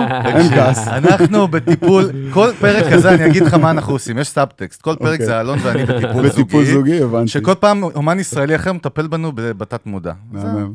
בקיצור, אז, אה, כן. אז רגע, בוא נמשיך עם ה name dropping, כי יש עוד איזה להקה חדשה שעשתה לי את זה ובגדול. זה צמד של בנות, הן נקראות Larkin Poe, אוקיי? ומוזמנים לבדוק אותם באפל מיוזיק. את לארקן פה, אה, גם כן, אה, והסיבה שאני מדבר עליהם זה כי מה שהבנות האלה עשו, הם זוג אחיות, כמובן, חבר'ה, מוזיקה הכי טובה עושים כנראה במשפחה, אני לא יודע מה להגיד לכם. איווה. אבל אה, בדיוק, אבל תבדקו אותם, וזה זוג אחיות שהאחת מנגנת על אה, לאפסטיל, שזה האח הקטן של הפדל סטיל, שזה בעצם גם כן קרש כביסה כזה שמנגנים על הברכיים. היא עומדת וזה תלוי, תלוי לה מהגוף, אה. ואחותה הסולנית מנגנת גיטרה ושרה, והם פשוט פצצה של דבר שקשה להסביר בכלל, אתה יודע, הן עושות בלוז שחור ומגניב, והן מפיקות את הכל בעצמן, והן מנגנות, אה, הן אה, מתכנתות את כל התופים בעצמן והכל, והן חתומות בלייבל שלהם, כאילו זה self-made, על האלבום קוראים self-made man, כאילו הם... עכשיו, איך נחשפתי אליהם? כי מה הם עשו? הם בעצם התחילו להתיישב בבית, בלי שום קשר להפקות ולאיך שהאלבומים אה, נשמעים, התחילו להתיישב בבית, כתף אל כתף. מה, לייב מול סטרימים? האייפון, לא, מול האייפון ולהעלות קאברים. עכשיו, הכמות זה מה שפיצץ אותי. יש מיליונים של סרטים כאלה. זאת אומרת, אתה לא יכול לפתוח את הפייסבוק בלי, בלי ליפול על סרטון כזה, כאילו. כל יום. קאבר לשיר הזה, קאבר לשיר הזה, קאבר לשיר הזה, ואז אתה נדלק, מעבר לזה שהן כמובן יפהפיות, אתה יודע, הן נראות סוף אתה הדרך. נדלק, תרתי משמע. חל... חד משמעית, אז אתה הולך ושומע את המוזיקה שלהם ואתה אומר וואו, וגם כן, זה פשוט מוזיקה basic ב... ב... ברמה הכי בסיסית, בלי אז הו-הא ובלי מה נגע סמוק. בך שם? אה, השירים, הנגינה, קודם כל זה, אני, אני נורא חסר לי בנות ב, בתחום הזה. חסר לי זמרות, חסר לי גיטריסטיות, אני לא מבין למה אין יותר, אני לא מבין למה זה לא... מה אתה עושה לגבי זה? מה אתה עושה לגבי זה? בוא אה, בוא נדבר אין מה תכלס. לעשות, אני מקווה ש- שאתה יודע, יותר, יותר? יותר בנות ייכנסו לתחום, אבל אני, אם, אם, אין דבר יותר מדליק בעיניי מבחורה שמנגנת אה, ושרה טוב. זה גדי, אני חושב אבל ששוב, לעומת לפני 20 שנה, היום יש לך טונה של מה- נשים חד משמעית. במוזיקה. לא, אבל כשתראה את, הב... הבנות האלה מנגנות, אתה תבין למה אני מתכוון. אני מתכוון הבנות שעולות בלי להתנצל ונותנות בראש בגיטרה. תשמע, הבחורה מנגנת הנדריקס, כאילו, היא, היא שועלה רצינית מאוד. אפרופו זה, אם כבר, זו שאלה שאנחנו נוהגים דווקא לשאול את כל האורחים שלנו, מה, מה עושה לך את זה? מה אתה אוהב שקורה בארץ? על מה שמת אצבע? אה, מה אני אוהב שקורה בארץ? אה, שם טוב heavy, כמובן. את האמת, אני חייב לציין שלא הסכמתי לראות את זה. באמת? כי תתבייש לך. כי הדקה, רגע, חכה, שרפת אותי מוקדם מדי. כי הדקה הראשונה כל פעם קפצה לי ביוטיוב, ניסיתי ואמרתי, עמק, אין סיכוי שאני רואה את השיט הזה. ומצאתי את עצמי רואה שלוש פעמים את כל הסרט, או יא. וזה פשוט אה, מדהים זה הפאנץ', וגאוני. זה פאנץ', אתה, כן. זה אומר שאתה לא ראית. ראיתי, ראיתי, ראיתי. זה כן, ענק, ראיתי, ענק. לא, ראיתי רק את הסרט, ראיתי רק את אה, הוידאו, את. הסרט. לא ראיתי את הסרט. והילדים, לא והילדים הילדים שלי שרים את. המילים הגסות וזה, זה פשוט, זה כאילו חינוך. אה, זה גאוני. זה גאוני ברמה התיאטרלית גם, אבל בגדול מה במוזיקה עושה לך את זה? אה, מה עושה לי את זה? תשמע, תמיד תמיד, אה, תמיד תמיד הייתי חזק בערן צור ובמאיר אריאל. אני מדבר אני דווקא אוהב- מהחדשים, אתה עוקב? חדשים, חדשים אה, אני אוהב יש. את, אה, את, תשמע, יש הרבה חברים טובים. קודם כל, באמת, דיברנו קצת, ירדנו על קיטרה. אז יש כן, את זה באמת. יש את באמת שהוא אדיר, כן. עוד מושונוב, ו... מי עוד יש? דניאל סן קריאף, מהמם, אם. אתם מכירים, זמרת מאוד מאוד מיוחדת ומעניינת שעולה ומתפתחת. אה, ויש הרבה חברים, אתה יודע שאני פשוט, אה, אתה יודע, אני, אה, אנשים שגדלתי לצ... לצד הקריירות שלהם, אתה יודע, והם גם חברים והם גם קולגות, שאתה יודע, אם זה החבר'ה של אה, שוטי הנבואה, החבר'ה של הדג נחש, אה, החבר'ה של התקווה 6, החבר'ה של שב"ק ס', זה אנשים שכאילו תמיד הייתי, אתה יודע, כתף אל כתף איתם, ואתה יודע, לראות אנשים, כשאתה רואה מישהו, אתה יודע, עובד, אתה יודע, קשה ומצליח, שמוקי עשה את ה crossover, אתה יודע, עם, אה, עם, עם ילד של אבא וזה, זה כאילו, אתה יודע, זה, זה, זה בכי. כאילו. איך אתה עם היפ-הופ ישראלי וכאלה, דברים שקורים פה? אה, אני פ-? החבר'ה הצעירים, אני פחות, אה, פחות עליהם, למרות שאתה יודע, אה, אה, אני חושב שקוראים לו ש- אה, שי סוויסה אולי עשה את אה, שם טוב אבי, וזה כתב. סוויסה, כן, כתב- הבן של סוויסה. אז יש לו שתיים, אז הבן הצעיר עשה נכון. את המוזיקה לדבר הזה, וישר כתבתי לו, תשמע, זו הפקה מטורפת, כאילו, ממש. וואו, מדהים. אמ, סבלימינל, כמובן, אני חייב לפרגן לו, אחרת הוא יפטר אותי. זה טוב. שאם אני אגיד עליו כמה מילים, קודם כל זו זכות גדולה לעבוד בשביל הבן אדם הזה, הוא בוס מדהים, ובן אדם שנותן לכל אחד להיות בול מי שהוא רוצה להיות על הבמה, וזה משהו מאוד ראוי. אני בעיקר מרגיש את זה, אתה יודע, בימי העצמאות שאנחנו מגיעים לבמות ורואים להקות אחרות, והם נורא כאלה, אתה יודע, עצורים, אנחנו עולים על הבמה וכל אחד פשוט טס. מתחרים. טס, ו... הקיצר, אל פטר- אל. פטרון אה, סבבה?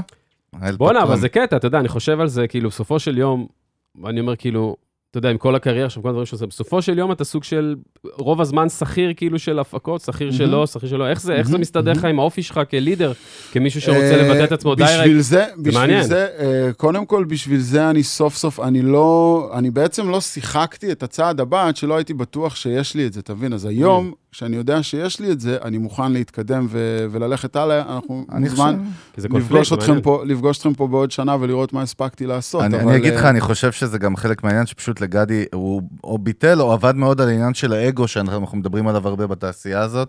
ברגע שאתה אולי מנפה אותו, נכון? אז אתה יכול להתחיל. להתקדם, אה, לעשות כן, דברים. מעניין, את כי זה. זה סוג של קונפליקט, אתה יודע, זה כזה... זה אגו, מה זה קונפליקט, אלון? זה אגו. כי אם יש לך אגו, אתה לא תדע שאתה צריך כסף לפאקינג לנגן באירועים, אתה לא.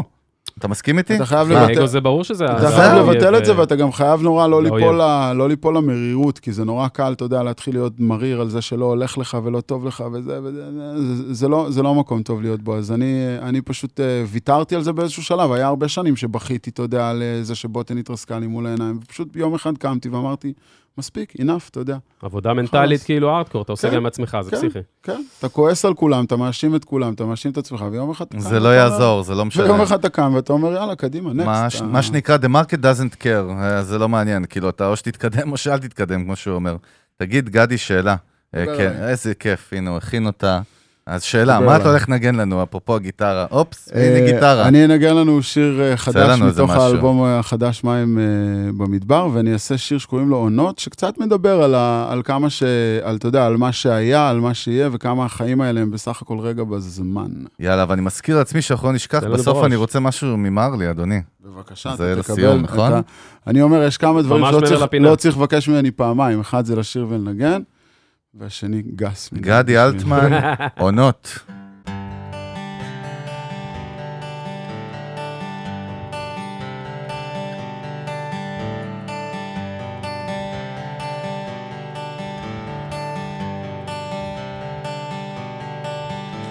בחלוני הרוח משחקת בעלים בשמיים עננים נראים כמו מגדלים. בלי לדבר בתוך הראש השירים עולים.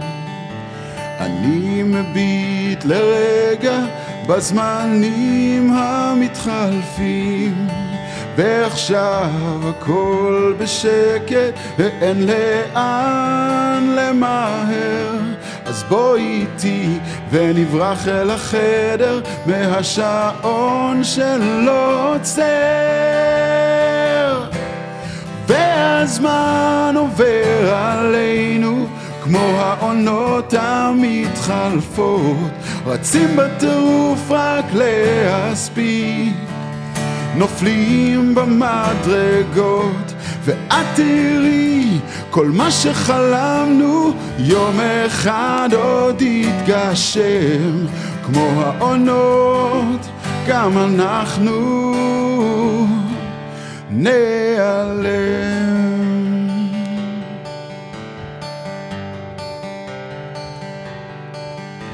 בדמיוני אנחנו לנצח צעירים רצים ממסיבה למסיבה ולא עוצרים. יורדים לים, נזרקים בחוף, קופצים על הגלים. מתנשקים לאור ירח ונרדמים מחובקים. ועכשיו הכל בשקט, אין לאן למהר אז בואי איתי ונברח אל החדר מהשעון שלא עוצר.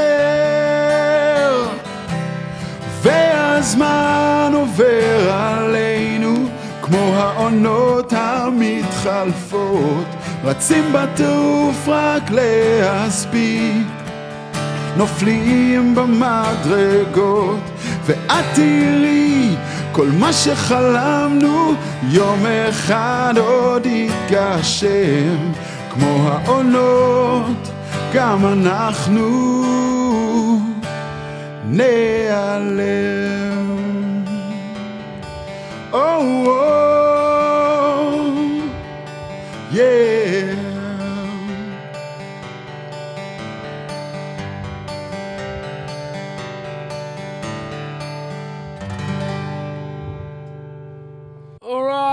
זמר השנה. אצלנו ודאי. זמר הפודקאסט. רגע, הסתובבת עם הכיסא, אלון? הסתובבתי, אחי, פעמיים. אני לחצתי, אבל לא הסתובב לי. תשמע, נורא נורא נורא כיף, אה, Yes. נורא נורא כיף ל- ללכת עם השירים שלי סוף סוף אחרי כל כך הרבה שנים. ויש מקבץ מהמם, ואני מאוד מאוד מחכה שההופעות יחזרו ותוכלו לבוא לשמוע את המופע הזה באל. קודם אז כל, אנחנו שם, קודם. כל. בהחלט. שורה ראשונה, אחי, שלנו. אנחנו נעשה פודקאסט, אנחנו נעשה backstage. פודקאסט מההופעה. אני רוצה לראות אלון עם המיקרופון של הכתבות של גיא פינס כזה, מאחורי הקלעים. אחי, אני עם. הקורונה הזאת ממשיכה, אני זורק לך חזיות לבמה, אחי, עם ה... זהו, את- האמת, אנחנו לא נתמקד באמת קורונה וזה, אבל גדי, אני רוצה לשאול האם זה נכון, מה. שניתחתי בראש, שכאילו דיברנו על זה כבר, אבל לנסות להבין, זאת אומרת שכולם עכשיו בסטרס ובזה, אתה בגלל שבעצם בנית את עצמך ככה בצניעות, אה, בכל מיני, מאוד ורסטילי, אז הקורונה פגשה אותך בסדר, מה שנקרא? אני שואל. אותי, היא פגשה אותי בסדר. אה, אני אומר בסדר בכוונה, כן, ודאי כן, שלא כן, מוצלח, אה, אבל... אה, אני חייב, קודם כל אני חייב את זה הרבה באמת לספורט. הספורט פשוט אה, שינה לי את כל, ה, את כל החיווטים במוח. אה, זה הגיע לגמרי ממקום של, אה, של פשוט רציתי, אתה יודע, כאילו, רציתי לרדת במשקל ורציתי להיראות קצת יותר ייצוגי, זה גם משהו נורא חשוב, אתה יודע, אנחנו במקצוע שלנו חייבים להיראות שרפ. ושנים אני נלחם בזה, ופתאום מצאתי את הריצה, כאילו, ב... התחברתי לריצה בצורה בלתי רגילה, אז אה, אחרי שאתה רץ 12 קילומטר, זה ממש לא מעניין אותך שיש קורונה, כאילו, אחרי ש... אה, רגע, אבל לא, זה נשמע, זה נשמע מדהים, אני מסכים איתך, אבל ברמה הכלכלית, אתה יודע, אתה, אתה מוזיקאי שהוא בברנז'ה, בכל אני, זאת. המזל שלי... אני מנסה להבין. מה הדיפרנציאל, ש- דיפרנציאל, עפתי על עצמי, המילים היום. מה ההבדל, כאילו, בין זה שאתה ב state of mind, אני מעריך את הריצה, אבל ודאי לי שזה לא רק זה. שוב, אתה רואה את כל האומנים מסביבך. הרבה לא מדברים גם, אבל הרבה מדברים על ה... גמרו אותנו. אני, קודם, כל- המזל שלי באמת ששימרתי קשרים טובים, ובאחד המלונות שאני עובד בהם, פשוט העבודה, העבודה חזרה באיזשהו שלב. וזה גרם לי כלכלית להישאר עם הראש מעל המים. ואמרתי לעצמי, קח את הזמן הזה, תנצל אותו, תכתוב, תפיק, תכין את עצמך ותהיה מוכן לרגע שהכל ייפתח. כשהכל ייפתח, אני אבוא game ready. זאת אומרת, שאתה אומר שבעצם מי שכרגע, עוד פעם, אנחנו לא רוצים להגיד את המתבכיין בצורה שהיא לא מכבדת, אבל מי שבוכה ולא עושה, הוא עושה טעות. הוא עושה טעות חמורה, כי זה זמן, הדאון טיים הזה, ש- שאתה יודע, עשו פאוזה לעולם, זה בדיוק הזמן לשבת בבית ולתכנן את המוב הבא שלך. זה החלק המנטלי, אחי, שחזרנו, אם אני נזרק אליו עוד פעם בחזרה. אחי, זה החלק המנטלי של העניין הזה, זה הכל מנטלי, זה כל אחד יכול להרים את הגיטרה, פיזית. אפשר להרים אותה, אחי, זה תחזוקת נפש, אחי, ברמות כאילו הכי גבוהות, זה מישהו שעובד על עצמו, אחי, daily basis, יעני, קם, נופל, קם, נופל, ויודע איך להחזיק את עצמו. מי שלא יודע איך להחזיק את עצמו, ומי שאתה יודע, לא נתקל במצבים כאלה, אחי, הוא לא מתעסק עם זה ביום, פשוט לא יכול לעשות את זה. אנחנו רואים את זה גם אצל יצרני תוכן, אתה יודע, מי שיודע, זה, ש- מי- אומר, לא, הזה, מי שיודע הזה- שהוא יצרן תוכן, ואתה יצרן תוכן, גם אני יצרן תוכן, בסוף, הרבה פעמים לא בא לך לייצר תוכן, פשוט- אבל אתה מבין שאם אתה תעצור, אתה גמור. זאת אומרת, אין לך ברירה, חייב לך לתחזק את הדבר הזה גם שלא בא לך. לגמרי, כן, ממש. בהחלט. אני, אני, ברגעים אני- קשים, ברגעים שוואלה, שאתה חייב.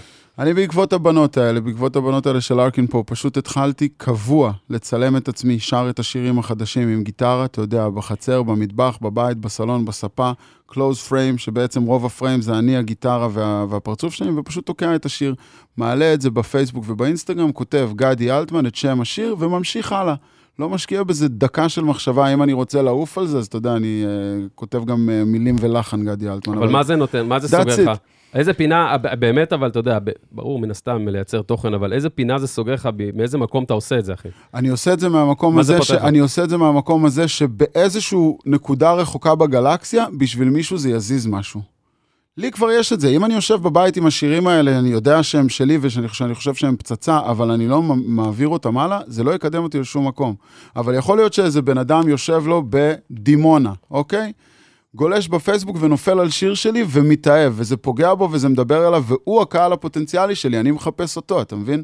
אני מחפש את הבן אדם הזה שביום שההופעה תיפתח ואני אעלה איזה, איזה עד יפה ו- ונוצץ למופע שלי, הוא יגיד, אני הולך לשמוע את השירים החדשים של האיש הזה. זה קטע, אתה יודע, זה כמו, זה עולם כזה שברור שכמות הלייקים, כמות הזה קובע, אבל אתה יודע, הרבה פעמים יוצא לי להגיד לאנשים, זה לאו דווקא הכמות, זה המישהו האחד הזה, השניים שיראו את זה, וזה אשכרה ייגע בהם, וכל פעם שאתה עושה ואתה מייצר תוכן כזה, אשכרה אתה מסתכל על זה. זה עכשיו. עכשיו, אחד הדברים הכי. כיפים בלהיות אה, אומן עצמאי, זה שבעצם אני, יש איזה משפט שאני אומר לעצמי בצחוק, אבל אני מתכוון עליו, שבעצם אין לי כבוד לעולם, ל, ל, לעולם הזה, אני לא מחשבן לו, אתה יודע. ל industry? ל industry, או לא, אני יותר מתכוון לתוכן, אתה יודע, כאילו כשאני אה, ניגש לפייסבוק ול, ולאינסטגרם, אז אה, יש משהו שכן עשיתי משנים אה, עברו, זה שאני לא מעלה junk.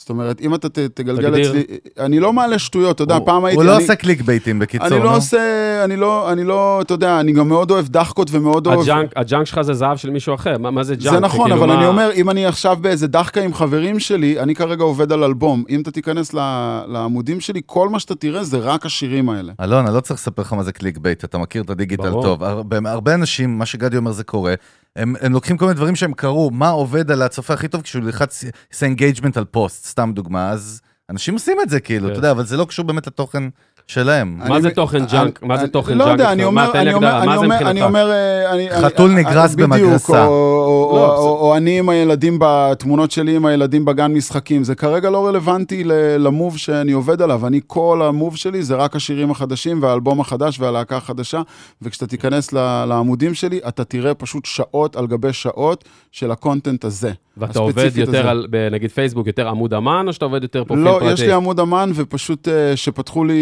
אתה יודע, מ-The Voice, ומכיוון שהוא לא פרח, אז אני כאילו, אין לי כרגע את הכוחות. באישי בטח יש engagement יותר טוב. אז באישי, אז. אתה עובד באישי. אני כאילו, עובד באישי, אני עובד באישי, וכש, כש, כש, אתה יודע, כמובן שאני ב limit של ה-5,000 מזמן, כאילו, אבל אני אומר, כש, כשיתחיל איזה משהו, אז אולי אני אקפץ לשם, אבל עכשיו ללכת לשם ולנסות להביא 25,000 איש, זה קשה מאוד. תגיד לי, גדי, עד מבין. כמה אתה מסתכל על פלטפורמות אחרות, חדשות יותר, טוויץ', או בכלל אה, אה, טיק טוק, לא יודע מה, על מה אתה מסתכל, או שאתה... טיקטוק, טיקטוק אני מסתכל פשוט כי אני, אני פריק של garbage, אתה יודע, כאילו זה זבל, באמת, זה כאילו אי פעם, לא היה זבל יותר... אה, בסדר, יותר מ- גם- מ- גם הסבתות אמרו את זה על פייסבוק לפני 20 שנה, לגמרי, אז אתה. יודע, אה, אז זה כשינוי על שדורי. אבל- מייספייס, כן. כן, אז, אבל מה אתה- על מה מסתכל כי אני צריך אולי להיות שם, או אני מתחיל ללמוד על הפלטפורמה הזאת, או משהו תשמע, על יותר? טיקטוק, על- כשהסתכלתי על טיקטוק, הבנתי שאני לא קשור לשם, אתה יודע. בסדר, זה fair כאילו, זה, זה גם חשוב, אתה יודע, כי נגיד שאינסטגרם התחיל, אני זוכר, אתה יודע, שגם לקח, אנחנו, אנחנו זקנים, לקח לנו זמן, אני, אתה יודע, היה איזו נכון. תקופה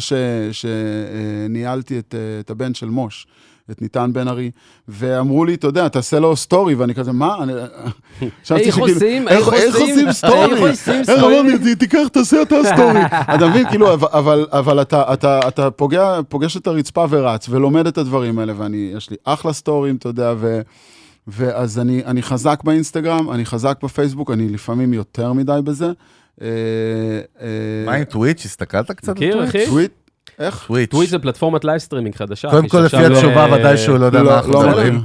אז אה, אנחנו מביאי הבשורה, אלון, אנחנו. אני תשמע, אני- אני ה salesman אני, שלך. אני שבוע שעבר קניתי אה, משדר של סטון טמפל פיילוטס בתשע דולר, וקמתי בשלוש בלילה לראות אותם מבצעים את האלבום הראשון שלהם. סבבה, אז, אה, כן, אבל אז מגניב. אני מתקדם, והתחלתי עכשיו יותר באמת להיכנס לאפליקציות האלה שמוכרות לך הופעות חיות.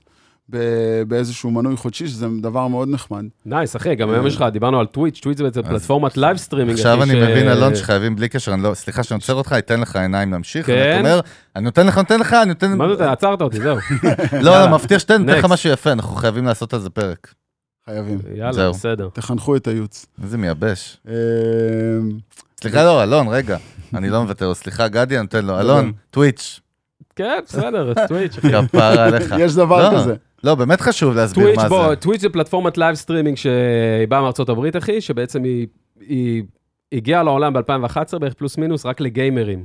אנשים אוקיי. משחקים video games, ובעצם משחקים video games עם קהל, אתה יודע, ואנשים צופים בהם ב live stream ים שלהם וזה, ואז בשנים האחרונות התחילו יותר ויותר מוזיקאים להיכנס לשם, וזה נהיה פלטפורמת live streaming למוזיקאים, במיוחד עכשיו גם בקורונה היא קיבלה boost של אחי עשרות מאות אחוזים. והמודל שלו הוא גם כלכלי, זאת אומרת, אתה בא, אתה מופיע שם, אתה נותן live stream, הוא שונה, אחי, זה live stream, המודל שלו שונה לגמרי מפייסבוק. מהמם, מהמם. זה live stream הרבה יותר visual, אחי, יש לאנשים הרבה יותר סבלנות, המנטליות של הקהל, זה לא עכשיו לבוא לדפדף בפיד ואתה יודע, כן. שיר שניים בגדול ולצאת. שם. באים, אחי, יש שם קהל שיושב שם שעה, שעה וחצי, שעתיים, שלוש, ויש שם מודל כלכלי, אחי, אפשר גם להרוויח מזה, בחו"ל, אחי, אנשים מופיעים, אנשים עושים מזה כסף, אני אשמח להכיר. ובארץ, אני- כן, אשמח אני- להכיר אני דברים אגיד לך- חדשים. בארץ זה מגיע עכשיו, אני. אגיד לכם אה, שניכם, שם. מה- מה ששמתי לב, שזה מוזר. האמת אצל- שיכול לעוף שם, אחי. מה זה יעוף? אה. גדי ודאי יעוף אחי, אם שם. אנשים יהיו לא, מספיק חייבים לקחת את זה מה העצות שבא להגיד. גדי, יש קטע בארץ שאנחנו קולטים, מוזיקאים בישראל הם מאוד אולד סקול, הם בכלל, כמה שנראים חד- חדשניים, חד משמעית. רובם לא מבינים שאתה אומר את המילה פודקאסט, אמיתי, אני ואלון הרי מדברים הרבה מהתעשייה, גם שרוצים לבוא לפרק וכאלה, הם לא יודעים מה זה לא הפורמט יודעים מה הזה. זה וזה- הדבר הזה. עכשיו, זה הדבר הכי חם בכדור, ברור. סתם, כדוגמה, אבל גם טוויץ', כל מיני דברים שקורים, שקשורים לאודיו, למוזיקה, מהמם. אנשים לא מודעים אליהם, או שלא טורחים ל... אני לא יודע... צריך ללמוד מושג. וללמד, חד משמעית. צריך גם, כן, לרצות, אני מניח, אה, להבין שאתה תהיה אבל, אה, דינוזאור, אם לא. לעניין הזה של הפודקאסט נכנסתי, אה, נסח- אה, נחשפתי הרבה דרך אה, מר רוגן הגדול, וגם כמובן. סיפרתי לכם, יש בנטפליקס תוכנית שנקראת כן. Midnight Gospel, שזה בעצם איזה פודקאסט מאוד חתרני. זה LSD, אני בודק את זה ישר. LSD. LSD בדיוק, ש, שחיברו לו אנימציה, וזה מטורף. זה מה שהולך שם, זה פשוט היסטרי. זה איזה בחור שגר באיזה פלנטה, ויש לו איזה מין אה, אה, פלייסטיישן כזה, שדרכו הוא עף לגלקסיות אחרות, וזה רק הולך ומסתבך. Yeah, אני. אבדוק את זה, אחי, אני אבדוק את זה בדיוק. ש- שאלה ככה. לסיום, yes, אז ככה, אה, יש לך? גם לי יש. לא, דבר, דבר אליי. סבבה. דבר אלינו. אז אה, מעניין אותי דווקא, אה, אתה יודע מה, שתי דברים, שני דברים, שתי, שני, שתי, שני, שני. שתי, שני, שני, שתי, שתי. fuck it. איך לא הלכנו אה. לבית לא, אתה ספר? לא איך מבין. איך לא ישבנו לא, זה בשיעור? כי אימא שלי מורה, והיא תמיד תקנת אותי, עזוב, אתה ואמרתי יודע לה, איזה מביך זה לעשות את. זה מול קהל? גם לי זה ככה, אני למדתי ב- ב- בקושי. כן, אז דברו בקיצור, שתיכן, דברו. מדברים. שתיכן, שתיכן דברו. בקיצור, שאלה, קודם כל דווקא מעניין אותנו בגלל כל המעגלים של המאזינים שלנו, משהו על תעשיית המוזיקה שהוא לא, מה שנקרא לא טוב, לא, לא הדבר היפה והנייס, מה משהו חרא, בוא נקרא לזה, בתעשייה הזאת, שאנשים לא יודעים מאחורי הקלעים, או קשיים של מוזיקאים, או... הבנת אותי בקיצור. תשמע, אני, אני תמיד, תמיד היה לי איזשהו אה, בטן מלאה על זה שאין פה מספיק אה, את הקטע של ה-A&R'ים, את האנשים שמגדלים. מה זה A&R למי שלא זה יודע? בעצם, מי שלא יודע, זה שבכל חברת תקליטים שמכבדת את עצמה, יש מישהו שהתפקיד שלו זה בעצם לגלות כישרונות. הסקאוטר, כמו שאנחנו קוראים לזה בדיוק, ב-NBA. לגלות כישרונות, ואני הרבה שנים הייתי בתחושה שלאו דווקא האנשים הנכונים עולים למעלה, זאת אומרת, אה, הרבה הרבה כישרונות נשארים כאילו אה, למטה ולא מצליחים לפרוץ. הרי לפי מה שאתה אומר בסוף זה כמו The Voice, הרי מי אמר שמי שלא הסתובבו אליו הוא לא ה... ב- אבל מצד איווה. שני, מי בדיוק, כן? אבל, מה אבל, הפרופיל אבל שנהנה אני אותו? אומר, אבל אני אומר, התעשייה גם צריכה לרצות לחזק את האומנים. עכשיו, מוזיקה בישראל זה דבר, זה כאילו כל כך backward, זה כל כך הפוך, אתה יודע, אה, ששמים את האומן בזנב של תוכנית הבוקר וחותכים לו את השיר, אתה מבין? זאת אומרת, אנחנו כל כך מחונכים נקודה יפה. אנחנו כל. כך מחונכים לא לתת כבוד ולהשפיל את, ה, את, ה, את המוזיקה הזאת, אתה יודע, אנחנו לא פותחים אותה בכבוד ונותנים תוכנית. אתה יודע, התקופות שערוץ 24 פרח ויואב קוטנר עשינו שם, אפילו אני הופעתי בבמה המרכזית וזה, אבל בינינו, אתה יודע, הייתה צריכה להיות תוכנית בשישי בערב, שמצולמת באולפן ענק, prime time. prime time, שבה, אתה יודע, מביאים לך איזה 4-5 הופעות מדהימות לפנים, ומראיינים אומנים בצורה מכובדת, ונותנים להם את הזמן שלהם להתבטא, אנחנו עוד לא שמה. קודם כל, ישראל, אחי, זה כמו הילד הזה כל- שרץ אחורה, אחי. אני בא, אני בא, רגע. בדיוק, בדיוק. אז. אז בתוך, בונים את ה brand, כאילו. בתוך, בתוך הסיטואציה המושפלת הזאת, אתה יודע, שאנחנו צריכים להתנהל על זה שאתה יודע, מריצים לך את הרולרים כאילו על, בזמן שאתה שר וחותכים גם, אתה יודע, כבר התוכנית נגמרה ואתה עומד שם כמו. איזה מפגר עם. סוגרים עליך את השאלטר. כן, מפגר עם יש לך הגיטרה. roll up של כתוביות ו- עליך. roll up של כתוביות, כן. וסגרו את התוכנית, ואתה העיקר קמת בחמש וחצי בבוקר בשביל להיות שם, אתה יודע, ולקחת את זה בשיא הרצינות, ובאת והתכוננת. ו... אז כאילו, ישראל, ישראל אה, נורא רוצים את הכל, אבל נורא לא נותנים, לא יודעים לתת לך את הכבוד שלך, את המקום שלך, אתה יודע, את ה... עכשיו, זה לא שאני אומר שאנחנו צריכים פה, יודע, שיתייחסו אלינו כמו כוכבים, אתה יודע, star ים, ויבנו לנו גרין רונים, גרין רום, ואתה יודע, ושיתייחסו אליך כאילו את הדואה ליפה, אחי, כשאתה מגיע. אבל... זה כן חשוב לדעת לבוא ולהרים, אתה יודע, לתת את המקום, ואני מרגיש את זה הרבה פעמים, אתה יודע, במועדונים שאתה מגיע, שמתייחסים אליך כאילו אתה איזה פושע, זה- אה, אתה יודע, ו- ואנשים שקצרים אליך, ואתה צריך לדעת, אתה יודע, אני כבר רגיל, אתה יודע, כשאני מגיע, אני שקט, אני, אתה, בחיים לא תמצא אותי מתפוצץ, אתה יודע, בערב שיצאתי לעבוד, אין כזה דבר שהלכתי, אתה יודע, ופתאום נכנסתי לאיזה ריב עם איזה טכנאי, או עם איזה fucking בן אדם שלא פתח לי את השער ב... מה, אף ב- פעם? אל ת... בחניון. לא, אחי, זה. לא קורה. זה הבן אדם. זה אבל לא אני אגיד. לך, גדי, כן. למה למה מתחבר מה שאתה אומר, קודם כל, כי זה מדהים. הייתה פה גל דה פז המדהימה בפרק, והיא בדיוק דיברה, ששאלנו אותה על מה החרא של התעשייה שלנו, והיא אמרה את מה שגדי אמר. כן, לגמרי. שהיא אפילו נכון. ב backstage במועדון, והיא לא אמרה, אני היא אמרה שהיא הולכת למועדונים מקבילים בגודל.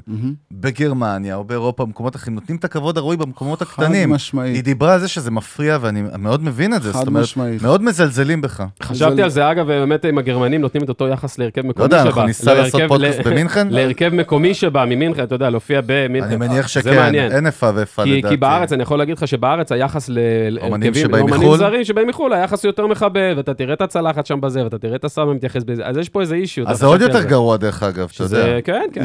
ישראל, צריכה לדעת לתת כבוד, בעיקר, אתה יודע, ישראל מתייבשת. בעיקר עם איך שסגרו את, ענף התרבות ולא, חשבו. על זה פעמיים, אתה יודע, וזרקו את זה לפח. הפח כאילו זה, זה קליפה של שום. ישראל צריכה להבין שכאילו, אתה יודע, בלי מוזיקה ובלי תרבות זה לא הולך לשום מקום. אה, והם ילמדו את זה, אתה יודע מה, אני, אני גם תמיד נורא מאמין בגורל, הם ילמדו את זה אם הם רוצים או אם לא רוצים, אתה יודע, אף אחד לא יצטרך לקום ולתת להם בראש, זה הכל קורה ויש איזו תנועה נורא טבעית ואמיתית של, אה, של life force כזה, שאתה יודע, נוסע קדימה, וכל מי שצריך לקבל בראש וללמוד את השיעור שלו, הוא, זה יקרה בסופו של דבר. יש לך, בארצות הברית, אתם יודעים מה זה Songland? שמעתם על זה? זו תוכנית, אחי, תוכנית באמריקאית, מהמם. פורמט, זה style? כאילו? ריאליטי, לא, לא, פורמט, prime time הכי טבעי. אוקיי. נקראת Songland, אחי, Songland, ובעצם שם, דווקא עשו מהלך בן זונה מבחינת ריאליטי לצורך העניין, שם בעצם הפורמט הוא שיושבים לך producer ים, הרעיון של השיר הזה, אה, של התוכנית הזאת, זה בעצם, קודם כל השיר הוא המרכז, לא האמן, לא האמן, השיר? המרכז, יושבים לך בעצם איזה שלושה top producers, או ארבעה אפילו top producers, יושבים לך כזה style, לא The Voice, או כל האלה, וזה, הם יושבים לך פשוט לספות, הכל סבבה. וגם איזשהו אמן גדול לצורך העניין, אז אתה יודע, איזה קריסטינה אגילרה, או איזה, אתה יודע, איזה דואה ליפה, whatever, מהמם, כל תוכנית מהמם. מביאים אה, מישהו אחר, מישהו אחר. באים אה, אמנים, יוצרים בעצם, כותבים, מבצעים שיר שהם כתבו, אוקיי? ואחר כך הם משמיעים את זה לכולם, ובעצם ה... בסופו את זה. של יום, כן, לוקחים אחר כך את השיר, נותנים להם הצעות, ל... מתעסקים בשיר עצמו, בתוכן. לוקחים את השיר, אומרים לה, וואי, קודם כל עפים, אם יש דברים מגניבים, קודם כל יש חומרים סוף הדרך, ובאים ומפרקים את השיר, אומרים, בואו ננסה אולי לעשות את זה ככה, ננסה לעשות את זה ככה, ומפיקים את זה, ומנסים למצוא כל מיני דברים שונים על השיר, טייק אופים על השיר, ב- בז, מיד אחרי שהבן אדם משמיע את השיר, כשהמטרה היא בסוף, לתת את השיר לאומן שבא לתוכנית, זאת אומרת, אם זה, אתה יודע, whatever, לתת לו את השיר, אבל היוצר, מי שבא מבצע, הוא לא ה issue, כמו העניין, בשאר התוכניות. לפי השיר, ההגדרה. שלכם, הפורמט הזה לא יחזיק בארץ אה, הוא יחזיק. ואני, ארים אותו יותר מזה. אה, זה קדימה. בפורמט רשת, עם פלוטו. שי. רשמת? זה. אני, זה זה כבר, אנחנו. מקדימים, אני מקדים את זמני, אבל אה, בסדר, הפרק הזה יצא עוד איזה... אה, לא, לא, אז אבל- אם ככה אנחנו... אבל תשמע, אחי, כבוד, צריכים לסכם כבר, כן. לשיר, קודם כל, כן. לפני האמן, אחי, לפני כלום, כבוד לשיר, ברור, זה ברור, מהלך. למוזיקה עזוב וליצירה. שהכל שם, הרוב שם פופ וכאלה וזה. אנחנו סובייטים, אבא שלי רוסי, באמת, אני זוכר, קראתי על זה גם הרבה, או נגיד אומנים ברוסיה, אתה יודע, משוררים של פעם, מקבלים קצבה ממשלתית כי לא ייתנו להם למות ברעב ברור. יש. איזה דברים ב- בתפיסה באמת, אני מבין מה יש, אתה אומר. יש לנו. הרבה, הרבה מה להשתפר פה, בעיקר בסדר, גם ב... אנחנו צעירים, בעיקר, כפרה. בעיקר לאומנים המבוגרים, אנשים אנחנו- שעשו פה דרך, וזה צריך לתת להם... אה, אני אומר, אנחנו מדינה. קטנה, אנחנו רק שנייה עוד הגענו לפה, עוד לא נכון, הבנו מה קורה, כבר. מלחמות, בלאגן. אה, אה, בסדר, לאט לאט, עוד 150-200 בינתיים שנה. שורדים, שורדים פה, המדינה את שורדת, הפודקאסט אחי. שלנו, בדיוק. שם- אבל אני חושב, כן. כן, גדי, אה, אנחנו צריכים כבר לסכם, לא, כיף לנו זה- איתך, זה- זה מדהים. ברור שאנחנו יכולים לדבר פה 24 פאנץ'. שעות. לגמרי. אז אתה רוצה איזשהו... כן, אז הפאנץ' שלי הולך ככה. כן. מי ששרד את ה- את הפודקאסט הזה עד עכשיו, או, חשבתי את הקורונה. מה זה אז- מכולם? לא, לא, לא, מי- אם ישבתם והקשבתם עד כן. עכשיו, תתרכזו טוב טוב, בעיקר אם אתם אומנים צעירים בתחילת הדרך, כי מה שאני הולך להגיד לכם זה סופר סופר סופר חשוב, שוט. אז תפתחו את האוזניים ותקשיבו. תמיד, תמיד, תמיד, בעיקר בסביבה הקרובה שלכם, יהיו אנשים שיגידו לכם שזה שטויות, שאתם מבזבזים את הזמן שלכם, שהמוזיקה שלכם לא מספיק טובה, שהטקסטים שלכם לא מספיק מפותחים, ושחבל שלא עשיתם עם עצמכם משהו נורמלי בחיים האלה. התשובה שלי לזה, זה פשוט שכולם יתפוצצו. אתה חייב להאמין בעצמך, ואמונה אמיתית שנובעת אך ורק מבפנים החוצה. אתה לא צריך לשיר בגלל שמישהו חושב שאתה טוב בזה, אתה צריך לשיר ולעשות את המוזיקה שלך רק בגלל שאתה רוצה. אם אתה רוצה ואתה חושב שזה השיט, זה ראוי. ואף אחד, אתה לא צריך לקבל אישור מאף אחד, לא מחברות תקליטים, ולא ממישהו בתעשייה, ולא מאיזה חבר שמכיר איזה אומן מפורסם שאולי ישמיע לו את השירים שלך, ולא, אתה לא צריך, באמת, אני, אחד הדברים הכי טובים שקרו לי זה מזה שאנשים אמרו לי לא וזרקו אותי מכל המדרגות. וכמה קיוויתי וכמה ציפיתי ושלחתי לאנשים דברים, ואתה מקווה שהם יחזרו עם איזו תשובה מהממת, ופשוט אומרים לך, תשמע, זה חמוד, תמשיך הלאה, אה, זה כרגע לא מעניין. אני רק מרגיש שזה פשוט עושה אותי יותר חזק, אני כמו הענק הירוק, אתה יודע, כל פעם שאומרים לי לא, אני גדל, מתחזק, ובאמונה אדירה אתה הולך עם המוזיקה שלך וגורר אותה לקו הסיום, ופשוט אין דבר אחר שצריך לעניין אותך חוץ ממה שאתה אוהב לעשות. תקום ותעשה. אם אתה תנגן את הניגון הכי אמיתי שלך, הם יבואו. הללויה. הללויה, ואני. אוסיף על מה שאמרת, שבלי עבודה קשה. fuck you. זאת אומרת, מי שחושב שיש איזשהו treat בחיים, משמעית. או אם שמעתם על מיליונר, אז הוא לא בן של, שלא עשה עבודה מאוד מאוד קשה, לא קיים. זאת אומרת, זה צריך לקרוע שילוב את של זה. התחת, אל תפחד לקרוע את אז זהו. התחת ולעבוד קשה ולהביא את המוצר שלך ל top. חד משמעית. טוב, אליפות. אז אני, אם אני גם אסכם, אנחנו כבר בסיכום ובכינוס לסיום, או ב fucking סיום עצמו. אני רוצה להשלים ולהרים לנו על מה שגדי אמר, שבאמת בארץ מזלזלים. אני חושב שהפורמט שלנו, אולי הראשון, ואני לא מתבייש להגיד, שהוא נותן במה כל כך חופשית ותלת-מימדית לאנשים שמתארחים פה, ולא חוסכים, ואתה יודע, מנסים לא לתת פילטרים ולא לתת שום דבר באמצע, לא, לא, לא, הכוונה לא לשים שום דבר באמצע. בהחלט, אה, וזהו, ואני מקווה, באמת זה היה ה vision שלנו מראש, דרך אגב, לא, נכון? ברור. שיחקתם אותה. ובענק. רגע. רק התחלנו, שנייה. אבל היה אחלה פרק עם גדי, אליפות. תודה רבה לכם. טוב, חברים, אנחנו ניכנס לסיכום, ואנחנו רוצים קודם כל באמת להודות לאולפני פלוטו המדהימים, אה, ולחבר'ה מפלוטו, כן, מגיע להם כפיים, הם פה. טירת. הסאונד. לבר ולשי. אני סגרתי פה סשן עוד לפני שהתחלתם להקים את המיקרופונים, אז אה. זה-. על- איך איך זאת הייתה מריצים המטרה. עניינים. מצוין, הביזנס עובד, אז המודל עובד. אה, אז בקיצור, תודה לבר ולשי ולגדי ולגל. ולכל החבר'ה, ולרועי, ולכל החבר'ה המדהימים מפלוטו, באמת שכל שבוע מסייעים לנו שהדבר הזה יקרה בצורה מדהימה ומושלמת. אה, ובאמת, כנסו לפלוטו, ואם אתם אוהבים מוזיקה, או בא לכם אפילו לעשות משהו, או שאתם מוזיקאים, קודם כל אם אתם מוזיקאים ואתם לא הייתם בפלוטו, אז תתביישו לכם. דחוף. וקודם כל לאתר, ואחרי האתר מהדיגיטל, מהאונליין ל offline, להגיע לפה. ואם אתם רוצים גם, אלון, נכון, אנחנו מתחילים להביא קהל לפרקים, ברור. אז בואו נכון. נספר, אם אתם רוצים להיות קהל באחד הפרקים של Music Business, אז ב- קודם מה כל, צריך קודם לעשות? כל היו פה כבר, היה לנו פה הרבה תוכניות שהיה לנו פה קהל, זה מדהים. אתם, קודם כל, מה שאתם צריכים לעשות זה להיכנס לאתר. מתחילים הכוונה, כדי לא לפדח את עצמי, כן. שאנחנו מדברים על זה בפרקים, שאם אתם רוצים להצטרף אלינו. כן. בעיית אגו slash חוסר ביטחון עצמי, שוט. בקיצור, מה שאתם צריכים לעשות זה, אתם זה יכולים. לחפש אותנו גם באתר שלנו, musicbusiness.co.il, אתם שולחים לנו הודעה, אנחנו חוזרים אליכם, גם יכולים לחפש אותנו כרגע באינסטגרם שלי, של אלון ברק Music, או במסנג'ר, בפייסבוק, או לפנות לנו במסנג'ר, לפרופילים. נראה, בטח, באופן אישי, אבל דברו איתנו, אנחנו אנחנו כן. בעניין, ויש לנו רשימה, ו- והכל קורה, וזה כיף. ו certificate של קורונה, אנחנו מאושרים ל- לפעול עם אה, קהל, נכון? אחי, וגם מקבלים חוויה, אתה יודע, סופר שונה ומגניבה מאשר, אתה יודע, לבוא אפילו לכל כוס דבר יין או אחר. בירה זה כיף. תקבלו. וגם מכירים, אחי, ב live, אתה יודע, אנחנו הרבה באונליין וזה, ולפגוש את האנשים כן. פנים אל פנים, אחי, שימו. לב איך עושים פלאג אישי, בבקשה. גדי אלטמן באנגלית, בפלטפורמות, מוזמנים להאזין למוזיקה שלי, מוזמנים כמובן. ליצור איתי קשר באופן ברור. אישי במסנג'ר להופעות פרטיות, אני זמין לכם בכל שאלה ועניין, גדי אלטמן. יאללה, מה אתה. מנגן לנו, אחי, לסיום? רגע, הוא רצה בוב מרלי. קודם כל. חשוב שגדי ידע שלא לא שכחנו מהפלאג האישי והוא בא להגיע, אבל הוא עקף אותנו כמו עם הגיטרה, שכל פעם הוא מרים אותה לפני, אבל מקצוען, מה הוא נעשה? שועל, אחי. אז הוא- באמת, אה, קודם כל הוא תודה. אנחנו חשוב, לפני שגדי מרים לנו בשיר סיום, אה. Happy Vibes ו-Good Vibes, אה, אז שאפשר לשמוע, צריך לשמוע אותנו בפלטפורמות, נכון? זאת אומרת, את הפודקאסט הזה, נגמר לי האוויר כזה. כן, בטח. שומעים אותנו ב... כל מקום הכי אפשרי, ספוטיפיי, Apple Music, Apple Podcast יותר נכון, דיזר, דרך סטיצ'ר. אגב, גם אם רק רושמים בגוגל אפילו Music Business בעברית, ישר שם. מגיעים אלינו, ולא חסר איפה לשמוע אותם, וגם ביוטיוב כמובן, הפרק עם גדי עולה במלואו. כן, בכל העולם, אחי, זה כיף. איזה הודעות מטורפות אנחנו קיבלנו, מקבלים. אוסטרליה וכל מיני אוסטרליה, מקומות. פולין, כל מיני זה. גדי, תתכונן. שומעים אותך עכשיו באוסטרליה. יאללה, אוסטרליה, we love you. חבר'ה, תודה רבה, ואנחנו נתראה בפרק הבא. גדי, היה כבוד תודה, גדול אחי. וכיף. תודה לכם, למדנו. שימחתם וריגשתם, ו- וכיף, אתם בעצם היריית הפתיחה שלי ל- לסיבוב החדש ולחיים החדשים, אז אה, יאללה, כבוד אחי. גדול. כבוד. כבוד, גדול בשבילי. יאללה. אה, מה אתה מנגן לנו? אנחנו נעשה קצת בוב מרלי, אני אנסה איכשהו לעשות משאפ, כי בא לי לעשות לכם אה, שתי. שירים. אז יאללה, אנחנו פשוט נתחיל. אש.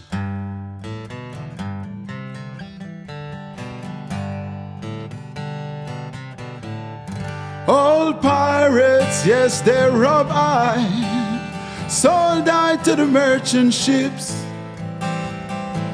Minutes after they took I from the bottomless pit, but my head was made strong by the hands of the Almighty. We forward in this generation triumphantly. So won't you help to sing these songs of freedom? Is all I ever had. Redemption song, redemption song.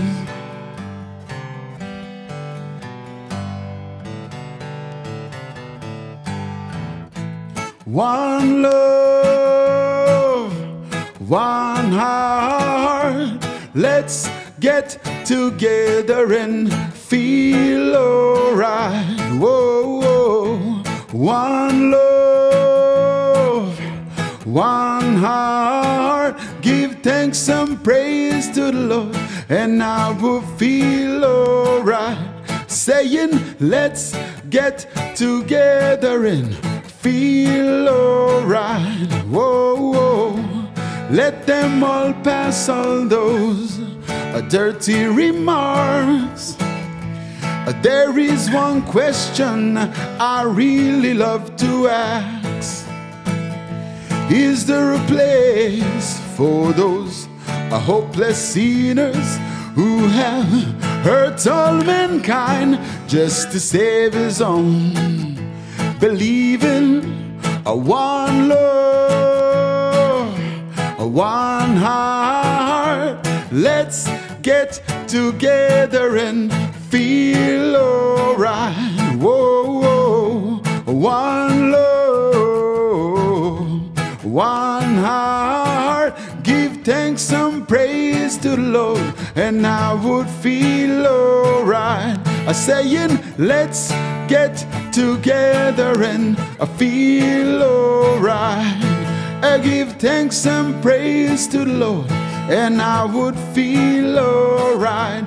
A saying, let's get together and feel alright. בשורות טובות עם ישראל, אוהבים אתכם. ברה ברה ברה ברה ברה